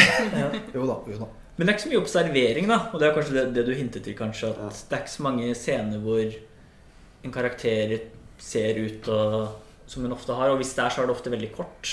At det var i hvert fall ikke dveling. Sånn, det kunne jo vært laget ganske annerledes at f.eks. han våknet opp og så seg mye rundt. Og, men de klipper vel fra at han er bevisstløs til at han står og snakker med jentene og litt sånne ting. da Mm. Så den har jo en litt annen klipperytme, da, vil jeg si, enn eh, Ja. de andre filmene. Og det gjør jo kanskje også at den blir mer tilgjengelig. At den, Ja. den er ikke rask, men den er, det er kanskje den raskeste filmen hennes etter Blingring. Sånn tempo. Ja, det Det er vanskelig fordi hun har jo ikke noen Jeg syns jo om The Rocks er mer tilgjengelig, på en måte. Ja, og Virgin Suicide så er det Ja. ikke treig på noen måte. Nei, kanskje ikke. Men jeg skjønner hva Du mener. sånn Ja. streit på mange måter. Da. Kunne Den, den havner litt midt imellom, for det er på en måte Ja. stjernegalleri. Mange kanskje så den, men den er på en måte helt klart liksom lagd for å Det er ikke en underholdningsfilm, på en Nei. måte, selv om den egentlig er litt spennende også. eh, hva, som, hva som skjer videre der. Mm. Det er jo nesten en sånn studie i hva, hva som skjer hvis du har en veldig isolert uh, eh, du kaster kvinne, en- kvinnegruppe i forskjellige aldre. Da. Hvis du kaster et uh, gubbe inn til damene, hva skjer da? Så nå husker jeg ikke hvor langt ute i krigen vi skal være, men de har jo vært, eh, de har vært eh, bokstavelig talt alene og isolert. Ganske lenge. Ja, det går vel dårlig med sørstatene. Ja, det Ja, det har begynt å gå. Mm. begynt å gå nedover der. Det er lite nyheter som kommer inn, og de er jo bare med hverandre. Eh, Spenningen begynner å gå litt hverandre på nervene. De kommer jo fra forskjellige steder, og noen av dem er liksom byfolk, landsfolk og eh, Ja, noen er ganske små. Noen er litt oppi 20-åra. Mm. Syns jeg det er ganske spennende at liksom krigen Vi får aldri se den direkte, men vi bare hører den liksom i, bak, Mm. i bakgrunnen der. Da vi hører liksom kanoner og skyting og skrik fra skogen og sånn. Mm. Vi får liksom litt den der, du, du får bilder i hodet, og så følger vi på en måte bare den isolerte gjengen i, med det bakteppet. da Mm. Jeg syns det er et stort hopp i, hopp, hopp i kvalitet etter Bling Ring. egentlig Ja. Veldig annerledes. Selv om Mm. den ikke minner om de første filmene heller, så er det på en måte dette er liksom, Her er hun tilbake på, på ikke-digital film her, da. Og så er det liksom Ja. det huset som knirker sånn, og alle de der rommene og dørene og Mm. sjalusien imellom. Ja, her er, vi liksom, her er det mye å ta tak i, syns jeg, som er spennende. da Mm. Jeg syns den var utrolig interessant, egentlig. Bare sånn Se hvordan disse karakterene reagerer på, på når Colin Farrell sin karakter Mm. kommer inn. For sånn, de minste er litt sånn, sånn, litt sånn bror- eller pappafigur. Kommer endelig inn i livet igjen. Mens for de som er eh, tenåringer og oppover, får litt sånn ja, seksuell oppvåkning, rett og slett. I en sånn, de lever jo i en verden fra før av der alt det skal undertrykkes ganske mye hos dem. Ja. Men særlig det med at de bare har levd med hverandre de siste årene. Og noen var kanskje litt som barn når det starta, så er de tenåringer nå. Ja. Mm. De har jo nesten ikke hatt menn i livet sitt i det hele tatt i det siste. Så det blir jo rett og slett litt eh, kaos. Det er en sånn rivalisering mellom jentene Mm. uansett alder. Fra eldste Ja. til yngste omtrent. Ja, Den er nesten litt bergmansk, sånn sett. Mm. Egentlig. Jeg syns også det er litt morsomt eh, at i hvert fall jeg da, som seer opplevde at jeg liksom skifta litt hvem som var slemme og snille, på en måte. Ja. Hvem er det man heier på? Det veksla litt på hvem som var sympatisk, og hvem som Mm. var offer, og hvem som var eh, ja, ja. ja, hvem som var liksom den dominerende rollen da, Ja. i forholdet mellom han og de ulike damene. Eller jentene. Og så vet vi jo for store perioder av filmen ikke helt hvordan vi skal tenke om han heller. Det er jo, det er jo egentlig et mysterium, Mm. Mm. filmen.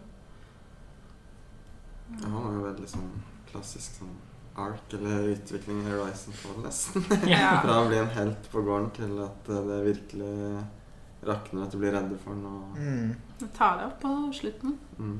Mm. Si for mye, kanskje. Nei, det, det det, er- man Det Det er jo en remake av en film fra tidlig 70-tall med Clint Eastwood. Og fått med at mange av kritikerne mener jo at den tar bort en del ting som er bra i den. da Jeg har ikke sett originalen. Er det noen som har sett den? Ja, jeg, Pål snakka jo litt om den sist. Jeg har jo sett den selv om lenge siden. Men jeg husker, jeg synes, slik jeg husker det, så er den her mye mer interessant og mindre lineær. Den andre er mer sånn Det er tydelig helt og Mm. skutt. Ok. Og det er ikke noe tvil om at Clinton er offeret. Okay. Mens her så blir jo han nesten overgriper på et punkt. Ja. Og så syns man kanskje synd på den slutten igjen, da. Men det er litt sånn ja, Litt sånn uklart, da. Mens den andre er litt mer Mm. vanlig. Ja. Eller ja. noen setter kanskje pris på klarheten. Det har vært litt interessant å se den gamle, kanskje. Mm. Se originalen. Mm. Ja. Nei, jeg syns øh, Jeg syns på en måte kanskje Hvis vi skal trekke litt linjer, da, så syns jeg den jentegjengen minner litt om Virgin Suicides. Ja. Ja. Uh, and Dunst er jo selvfølgelig med i begge. Hun er jo litt eldre nå, da. Men uh, det er nesten sånn Det er på en måte det sterkeste trekket jeg kan se fra de gamle. Den derre jentegjeng Ja, det er kanskje det likt, men samtidig er det også litt forskjellig at i Virgin Suicide så er de nesten nærmest som én person, nesten. Eller at de er så like. Ja. Mens her er det veldig sånn forskjellige jenter som er, rivaliserer, da. Så de har, ikke med den, de har ikke helt den der unisonheten. Og jeg syns faktisk, selv om det er mye mindre grad, syns jeg fortsatt de har en sånn dvelende tomhet-karakter. Og Kirsten Dunst er jo litt Ja. sånn Ja. i en sånn Eller havna litt i sånn eh, punkt i livet hvor ikke helt, helt vet hva vi vil. da Mm. Vi føler litt på meningsløsheten, og han kommer inn som et friskt pust. Ja. Hun snakker jo om at eh, Eller han spør en gang hva er det du ønsker deg i livet nå, og så sier hun det å komme seg vekk herfra. Mm. Der har hun fått inn den karakteren fra, som hun Mm. alltid må ha med inn i Ja, filmen. lite grann i hvert fall. Mm. Hun gjør på en måte den rollen hun gjør i The Power of the Dog, bare for min del bedre i denne filmen. Mm. Vi fikk jo så mye skryt for Power of the Dog, hun er bra der òg, men her er jo liksom, likte jo denne filmen bedre enn den. da Mm. ja. Så det syns jeg Jeg syns denne filmen var nydelig. mm. Dritfin å se på. Veldig Mm. fin. Ja, Litt tilbake i. Barry Lyndon igjen her. Ja. I hagene kanskje spesielt. Og så hvordan det er lyssatt, eh, spesielt når det er mørkt. da. Ja. Ja. Fantastisk foto. og Alle disse svære eiketrærne og huset og hagen. og Mm. Plutselig filmer hun inn på sånn spindelvev med en liten edderkopp. Mm. Veldig fint Veldig fint skutt. da Mm. Ekstrem kontrast til Bling Bling på ja. Ja. visuell foto. Jeg må jo si jeg er fornøyd med at hun går tilbake på det sporet, selv om The Rocks er noe veldig annerledes. Mm. Ja. Ja. Likevel så får vi liksom den der, noen kjente trekk, som særlig kanskje dette med Det starter jo med en stor rosa font hvor det står 'The Beguiled'. Ja. I sånn veldig sånn løkkeskrift. eh, Ja, omfavner det er- det feminine. Ja, Er det én film hvor det kanskje hadde passa Eller ikke hadde passa, men hvor det hadde, kanskje man kunne tenkt at her har hun kanskje ikke det der greiene, så gjør hun det likevel. da Mm. Det syns jeg er litt kult. Det har vi, vi har ikke snakka så mye om font, men nesten alle filmene har jo en sånn fancy font eller noe sånt nå når det starter en eller annen sprø farge. Mm. Og selv i den her liksom ganske litt sånn grå og triste ved 1800-tallsdrama, så får den derre rosa Mm. Men det er ikke Converse-sko på gulvet her. Nei, som ikke noe Allstar her. Heller ikke sånne poplåter og Nei. shoegaze. Det er egentlig en veldig stille film. Det er Ja. sånn til og med sånn kanonene i bakgrunnen. Det er jo ikke noe sånn ja, mm. Mm. lavmælt film. Ja. Som da blir litt roping og Og så er det dette med at vi føler oss litt fengsla i den der, i hvert fall om ikke i huset, så i hagen. da som Ja, ja. er, Akkurat som i nesten Ja, det gjelder jo for så vidt alle filmer, kanskje unntatt Bling Ring. da Man er veldig sånn isolert da inni det der huset der. Og alt er veldig overgrodd, og du føler at det liksom akkurat klarer seg mm. uten Mm. Men vi har jo snakka om den tidligere på uh, ikke så mange episoder siden, så det er kanskje derfor vi går litt på tomgang her. Så det er bare å høre på den eh, Ja, man må bla seg tilbake. Jeg husker ikke når det var. Men eh, bare sånn to-tre episoder siden. Ja. Snakk om sommerepisoden, kanskje. Ja. ja. så snakket litt om det der. Mm. Nei, men da kan vi jo ta siste filmen, som er On The Rocks. I fall in love too easily. I fall in love too fast. I fall in love too terribly hard. For love to ever last. My heart should be well schooled. Cause I've been fooled in the past. But still I fall in love so easily.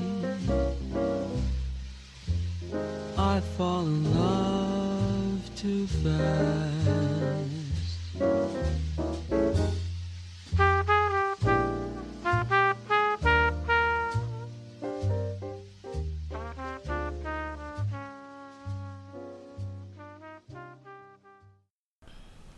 On The Rocks, som da er hennes eh, nyere film, handler da om en eh, kvinnelig forfatter som eh, mistenker at mannen hennes er utro, og gjennom det da også får et litt sånn mer møte med faren sin igjen, da, som er en veldig sånn playboy-aktig riking spilt av Bill Murray, som da også er fast bestemt på at mannen må være utro, da.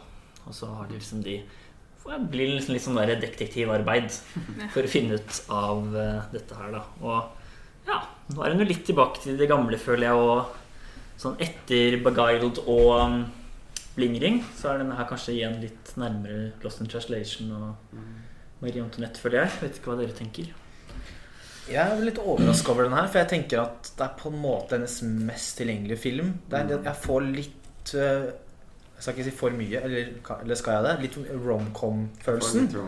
Veldig romcom. Eh, Den er jo lagd til Apple TV og liksom kanskje litt sånn Jeg skal ikke si bestillingsfilm, det det er ikke sikkert, men det kan jo hende det har hatt noe med Noe tukling der har hatt noe å si. Men jeg blir liksom overraska over hvor liksom sånn koselig romcom den er. Eh, Så jeg uh, syns den er litt, litt spesiell, egentlig. Eh, Blir veldig normal. Jeg, jeg syns Ja, etter Be er det liksom overraskende at vi går til dette, da. Mm. Men jeg er helt enig i alt du sier. Men samtidig syns jeg jeg satt og så på den i går kveld. Så var det, det var veldig koselig, og jeg koste meg. Det var liksom Ja. en sånn film man kan slappe av til. Ja. Feel good. eh, selv om den har litt alvorlige temaer ennå, så er den veldig sånn Den er så lett og fin, og jeg føler man kan vise den til alle. Det er vanskelig å ikke kose seg når man sitter og ser på Bill Murray. Som på en måte Han får gjøre litt det han kan best. Mm. Spille en litt sånn litt uh, stor personlighet. Og, han, tar mye, han tar mye plass da, uh, i filmen. Og, Ja.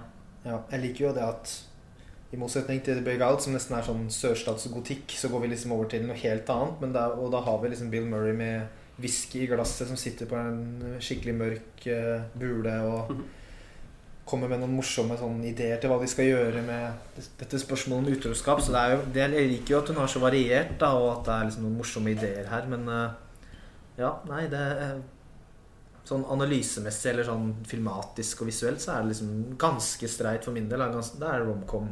Og det er kanskje greit, men litt overraska over ja, Jeg er ganske pen om de scenene som foregår om nettene. ja. For det er veldig sånn Nå er ikke jeg så veldig fan av skyskraperbyer i utgangspunktet, men det er veldig sånn opplyst, og eh, veiene skinner, for det er litt sånn fuktig, og ja. man råkjører i den der Det er kult når han kjører veteranbilen sin, og- med, kjører med Jeg syns det ser veldig pent ut. Ja. Så inne på veldig sånne der, uh, uh, jugendkafeer eller barer. Og det er Mm. veldig sånn pent. Da. Litt sånn Woody Allen-esk, nesten. I måten han Ja. eh, portretterer byen på positivt vis. Da. Det er liksom litt Woody Allen-filmen hennes, ja. ja. Jeg likte den egentlig ganske godt visuelt, faktisk. Sånn eh, shot av den svære staircasen, jeg tror den trappen som går i en sånn sirkel. Mm. Her er vi litt tilbake i Los Angeles Translation, hvor hun liksom sitter i vinduet og titter ut i solnedgangen. Og jeg syns liksom hun klarer å få mye visuelt. Er Kanskje nesten faktisk manus jeg kanskje syns er det svakeste i filmen. At litt hvordan dette utroskapet utfolder seg, syns jeg kanskje var litt svakt, da Mm. at på en måte Ja, dette blir jo spoiler, men det tåler folk. At på- liksom løsningen blir at hun var på en måte overnysgjerrig og sånn. Mens jeg syns egentlig filmen viser jo all grunn til å tro at han var utro. Den legger jo veldig opp til at bare hun skal sjekke en ting på mobilen hans, så blir han livredd, og han glemmer henne. Og, men så er liksom konklusjonen av filmen Å, du skulle jo bare skjønt at jeg skaffet en stor gave til deg. Jeg syns kanskje regimessig så var den litt svak, da.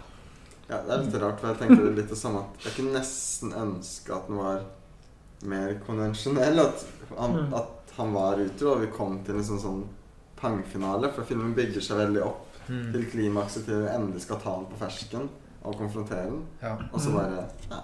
Han var ikke likevel, og så bare fader filmen Ja, vi får, vi får på en måte en annen pangfinale. Da. Det viser seg at det egentlig handla om forholdet mellom hun og faren i stedet. Han har vært fraværende og alt dette her. Det er på en måte nesten ikke en twist, da, men det er sånn Han har jo mana henne fram til vi må finne ut om han er utro. Og så viser det seg egentlig at det er forholdet mellom de som er problemet, da. Eller at han Det handler jo veldig mye om at hvordan han Vi får jo inntrykk av at han har vært en dårlig far.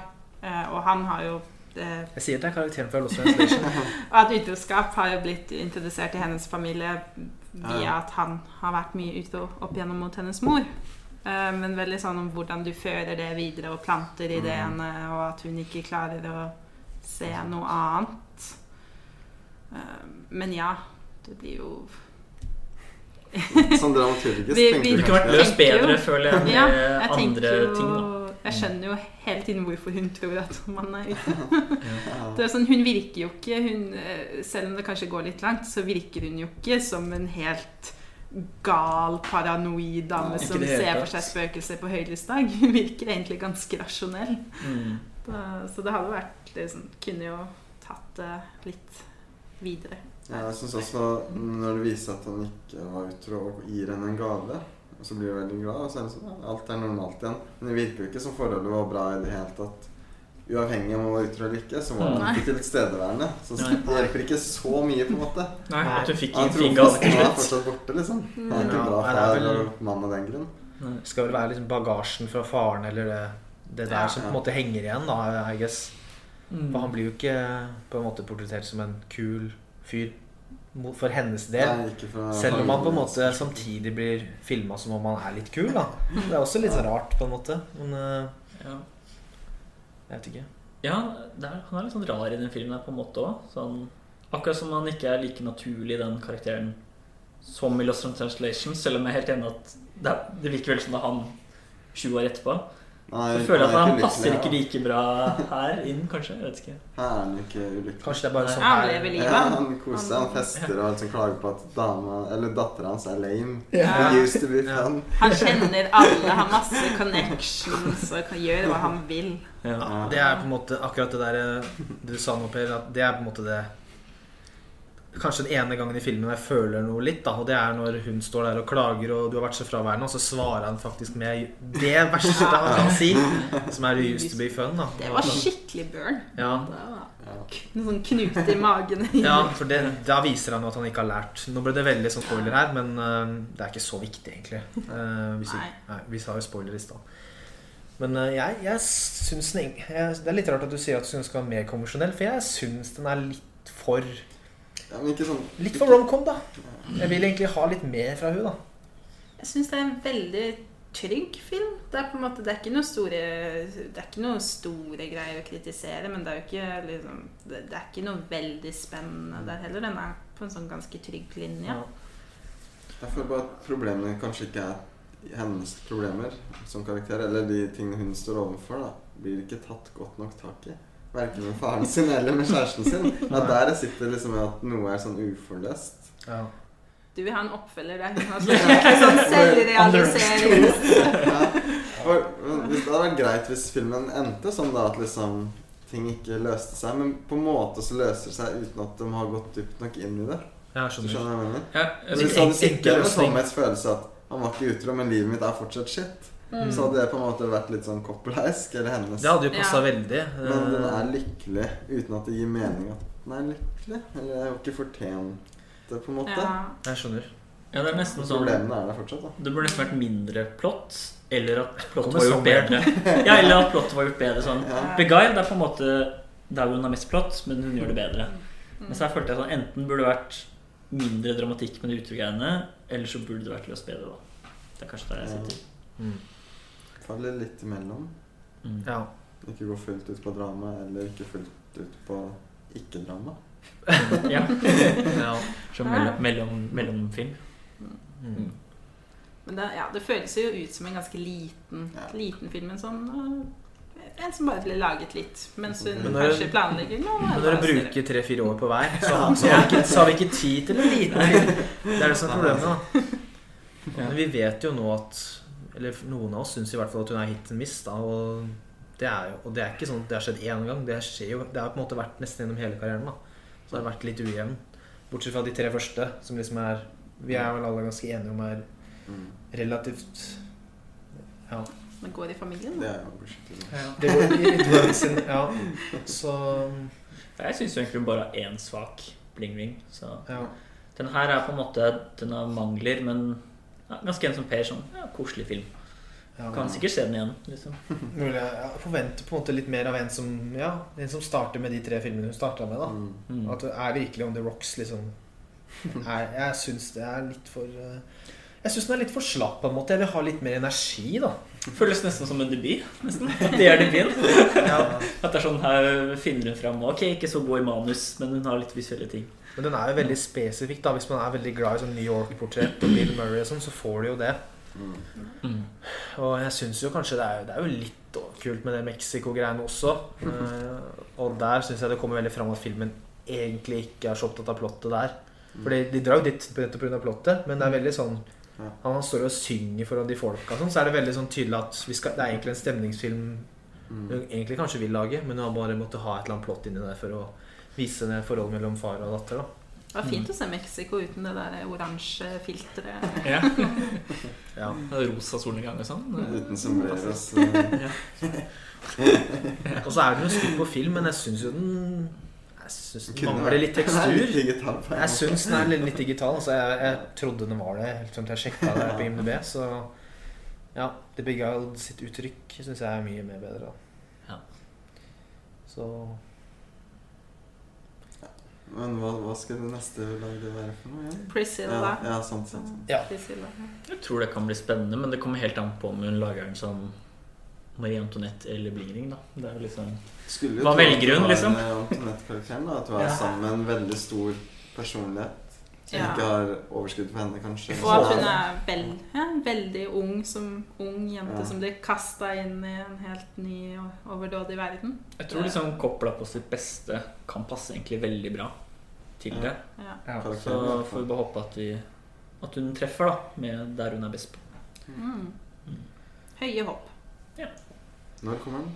Vet du det? Nei, Det vet jeg er nettopp annonsert. Jeg vet ikke om de har begynt å filme en gang. Yes. Hva er konklusjonen vår, da?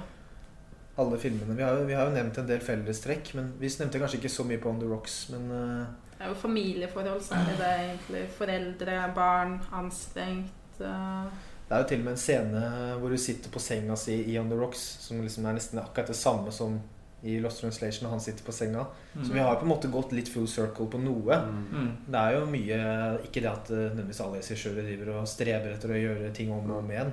Men det er jo litt tydelig med henne. Det var En av grunnene til at vi valgte det nå, er for at det er så mye fellestrekk. da Samtidig som mange av filmene er så forskjellige. Mm. Og hun har jo også veldig kjent far, hun skuespilleren. Det er jo Quincy Jones, musikeren. Ja, Som er faren hennes. Og jeg trodde du mente Coppola. Kjent far. nei, nei, nei, nei. Hun har snakket om Rocks. Hun har kjent mor også. Det er hun Peggy fra Twin Peaks. Hun Ja. fra dineren der. Ja. Uh, Norma heter hun vel. Ja, Peggy Lipton. Peggy Lipton, ja. Mm. Så ja. Det menger seg jo med folk som har vokst opp, i, vokst opp med kjente foreldre. Men hun har jo absolutt klart å skape et navn for seg Mm. selv. Altså selvfølgelig. Hun, hun har jo gode connections og vokst Mm. opp i filmbransjen og garantert lært masse fra familien sin. Men hun har absolutt klart å lage en skikkelig etablert filmregissørkarriere som står på egne ben, syns Mm. jeg. Hun har jo veldig, ja, hun har jo veldig interessant filmografi som er veldig, er veldig henne, da. Mm. Jeg synes- Nei, nei, sorry. Nei? Nei, men jeg tenker fortsatt på henne som litt sånn festivalfilmregissør. At ikke mannen på gata coiner hva Sofie Koppel har gjort. Nei, ja, det kan Det du si. Hun er jo ikke sånn- så på en måte kjent uh, blant uh, Ikke mann i gata, nei. Det er ikke. DiCaprio, nei, Julia. Roberts og Ta en test. Gå ut, på, gå ut til grønlandsleiret her og høre hva folk kan. Mm. nei det Så jeg føler jo et navn innenfor filminteresserte. Men Ja. kanskje ikke tatt den helt ut i den kommersielle på Nei. samme måte som faren. Men jeg tenker nok Lost in Translation er mer kjent Enn enn henne. Sofie Coppola. Ja. Ja. Alle har nesten hørt om den filmen, men ikke alle har hørt om den, som du sier. Nei. Da er du mer interessert i film. Det er nok ikke så mange som Det er, det er nok mange som har liksom sett On The Rocks og ikke ant at det har noe med At det er samme person som uh, Mm. Mm. den, ja. Men når du først ser på den røde tråden, som vi har gjort nå, så ser man jo at det er tydelige ting som går gjennom. Mm. Så det blir jo interessant å se hva vi gjør videre. Det er jo har vel knapt bikka 50, så har jo forhåpentligvis mange filmer igjen. Mm. Ikke sikkert å være halvveis inn i karrieren nå. Vi ser jo hvordan de pumper ut i gamlingene. Ja. Sånn Samtidig er hun Da kommer halve karrieren. Faren hennes Ridley Scott og Clint Eastwood.